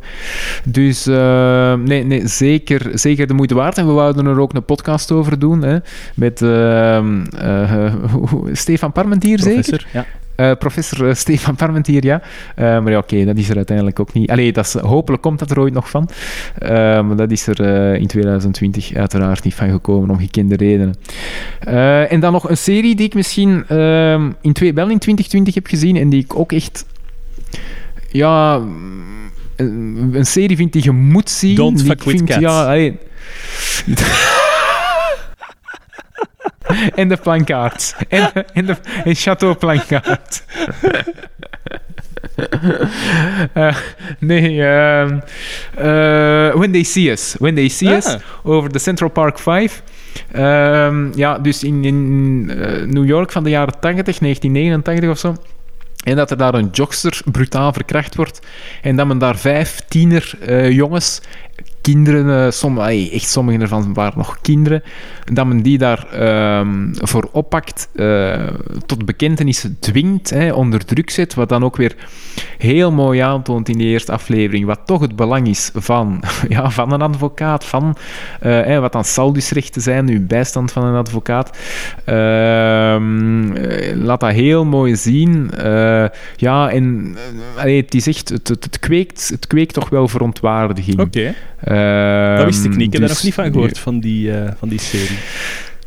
Ja, ja, het is, nee, het is een, heel, uh, een heel mooie serie. Maar inderdaad, allee, de, de, de zwarte, de zwarte, uh, het zwarte deel van, van de samenleving in, in, in uh, de Verenigde Staten, allee, of de Afri Afro-Amerikaanse Afro groepen. Ehm, het racisme dat daar, het ingebakken institutionele racisme, dat daar zeker toe, maar nu nog altijd uh, heerst, uh, laat dat uh, heel mooi zien. Ja, alleen in de structuur, gewoon de structuren, het feit dat, dat je de indruk krijgt ook, hè, want oké, dat is dan geen spoiler, Central Park 5, die, die is bekend, hè, die worden alle vijf dan veroordeeld. Het feit dat iedereen ook wel doorheeft dat, die, dat er fouten zijn gebeurd, mm-hmm. dat die vermoedelijk niet schuldig zijn. Het is echt precies gewoon een toneel. Hè. Iedereen weet wel dat ze daar niet moeten zijn, die, die tieners. Uh, allee, dat die onterecht gaan veroordeeld worden, maar iedereen doet er dan gewoon mee mee. Uh, sommigen uit carrièreoverwegingen. Ja, uh, ja, ja het is, het is, allee, ik denk dat het een, een, een blik geeft op ook uh, het, het, hetgeen dat immenselijk verkeerd kan lopen. Ja. Het klassieke Amerikaanse criminal justice verhaal, eigenlijk. Ja, ja, ja, effectief. Alleen waarschijnlijk uh, wat je ook in, in andere, andere landen kunt terugvinden. Hè. Maar uh, effectief, effectief. Um, nee, biedt daar een heel mooi... Ik heb, sommige mensen zeggen dat tragisch. Um, ik vond dat nu niet noodzakelijk. Um, maar, maar ja, oké, het is misschien niet, het is misschien niet uh, superflitsend, maar het is zeker de moeite om, om te bekijken. En dan ook de documentaire die door dezelfde regisseur, vrouwelijke regisseur, is, is gemaakt. iets van de 13th, denk ik, uh, over dan het dertiende amendement van de afschaffing van de slavernij, uh, waar dat ze dan eigenlijk naar het uh, gevangeniswezen gaat kijken. Hoe dat, die mass incarceration, de laatste decennia, dat vooral de zwarte gemeenschap daaronder leidt, hè, met, het, ja, het gekende hè, van dat crack, het, het bezit van crack en zo zwaar werd gepenaliseerd. Uh, terwijl dat dan, hè, omdat dan, dat was iets voor de armere bevolking en dan cocaïne, uh, wat dan de, de, de, de witte, rijkere bevolking gebruikte, dat werd dan veel minder gepenaliseerd. Dus hoe dat men eigenlijk het, het uh, strafsysteem, strafrechtelijk systeem heeft ingezet voor ja, politieke doeleinden of raciale doeleinden bijna, wordt daar heel mooi in belicht in die documentaire. Dus ik denk dat dat alleen een combo is, When See Us en, en die documentaire. En dan misschien ook uh, de, bij Oprah heeft daar op Netflix uh, dan ook uh, een, een, aflevering over waar dat de Central Park 5 dan de, de oorspronkelijke vijf personen, de echte, hè, die het echt hebben meegemaakt, ook hun blik nog eens komen geven over de serie en over wat zij hebben meegemaakt. is ook een heel mooie aflevering. Uh, hoe dat je ziet dat die mensen hebben afgezien, hoe dat in jeugd een stukje is ontnomen. Ehm, dat is, ja, ja, nee, dat, dat hakt erin. Dat hakt erin, ja. Dus dat wil ik nog meegeven als tip. Oké. Ik, ik, kan twee, ik kan twee parels aanraden. Hè? Parel, het verklapt al een klein beetje waar we naartoe gaan. Ik heb streams en ik heb de parelvissers opnieuw ontdekt. Ik heb er al veel over verteld. Ik vind het goed, jong. Parelvissers, goed geacteerd, goed creatief verhaal. Ik ga er niet te veel over vertellen. Bekijk dat gewoon nog een keer. Ik, weet dan nog dat ik dat bekeken heb als kind en nu terug opnieuw. En het is, ja, ik vind het nog altijd even goed als, uh, als vroeger. En Don't Fuck With Cats. Uh, fantastische Netflix-documentaire. Ehm, het begint met een jonge man die drie kleine katjes in een zak steekt en dat vacuüm trekt, waaruit die katjes komen te sterven. Waardoor dat er een Facebook ja, jacht wordt geopend naar die man. Het fantastische aan dat verhaal is, het, de hoofdrolspelers zijn echt... Ja, debielen. Maar die doen of, dat ze, die doen of dat ze het warm water hebben uitgevonden. Allee, kom, zijn nu eerlijk. Uh, ik, ik heb het niet gezien. ik heb het helemaal niet gezien. Oh, het dus, zijn maar eh, drie afleveringen. Echt de moeite waard om te zien. Kijk daarnaar. En die zijn bezig met hoe dat ze die, eh, die een dader hebben ontmaskerd.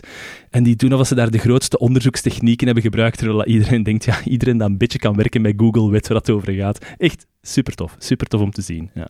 Ook al gaat het over een moord, hè, maar... Ja. Ja. ja. hey, jong, ik denk dat wij, dat wij ons record hebben verbroken. 3 uur 43. Ja, ik uh, heb hetzelfde, ja. ja. Nee, dat is inderdaad uh, een marathon-uitzending. Allee, eigenlijk nog altijd maar de helft van de elk ja, ja. Hoe dat je dat doet? Zes uur en ja, maar je zou nu eten hebben besteld, nee. dus dan kunnen we opnieuw er... Ah, ja, en dat is nog met iemand extra erbij, hè. Ja, dat is juist. Dat is juist. Ja. Hé, hey, kijk hoe. Het is uh, afwachten wat 2021 zal, uh, zal brengen. Wat, wat mogen we toewensen? Uh, gewoon een goed podcastjaar.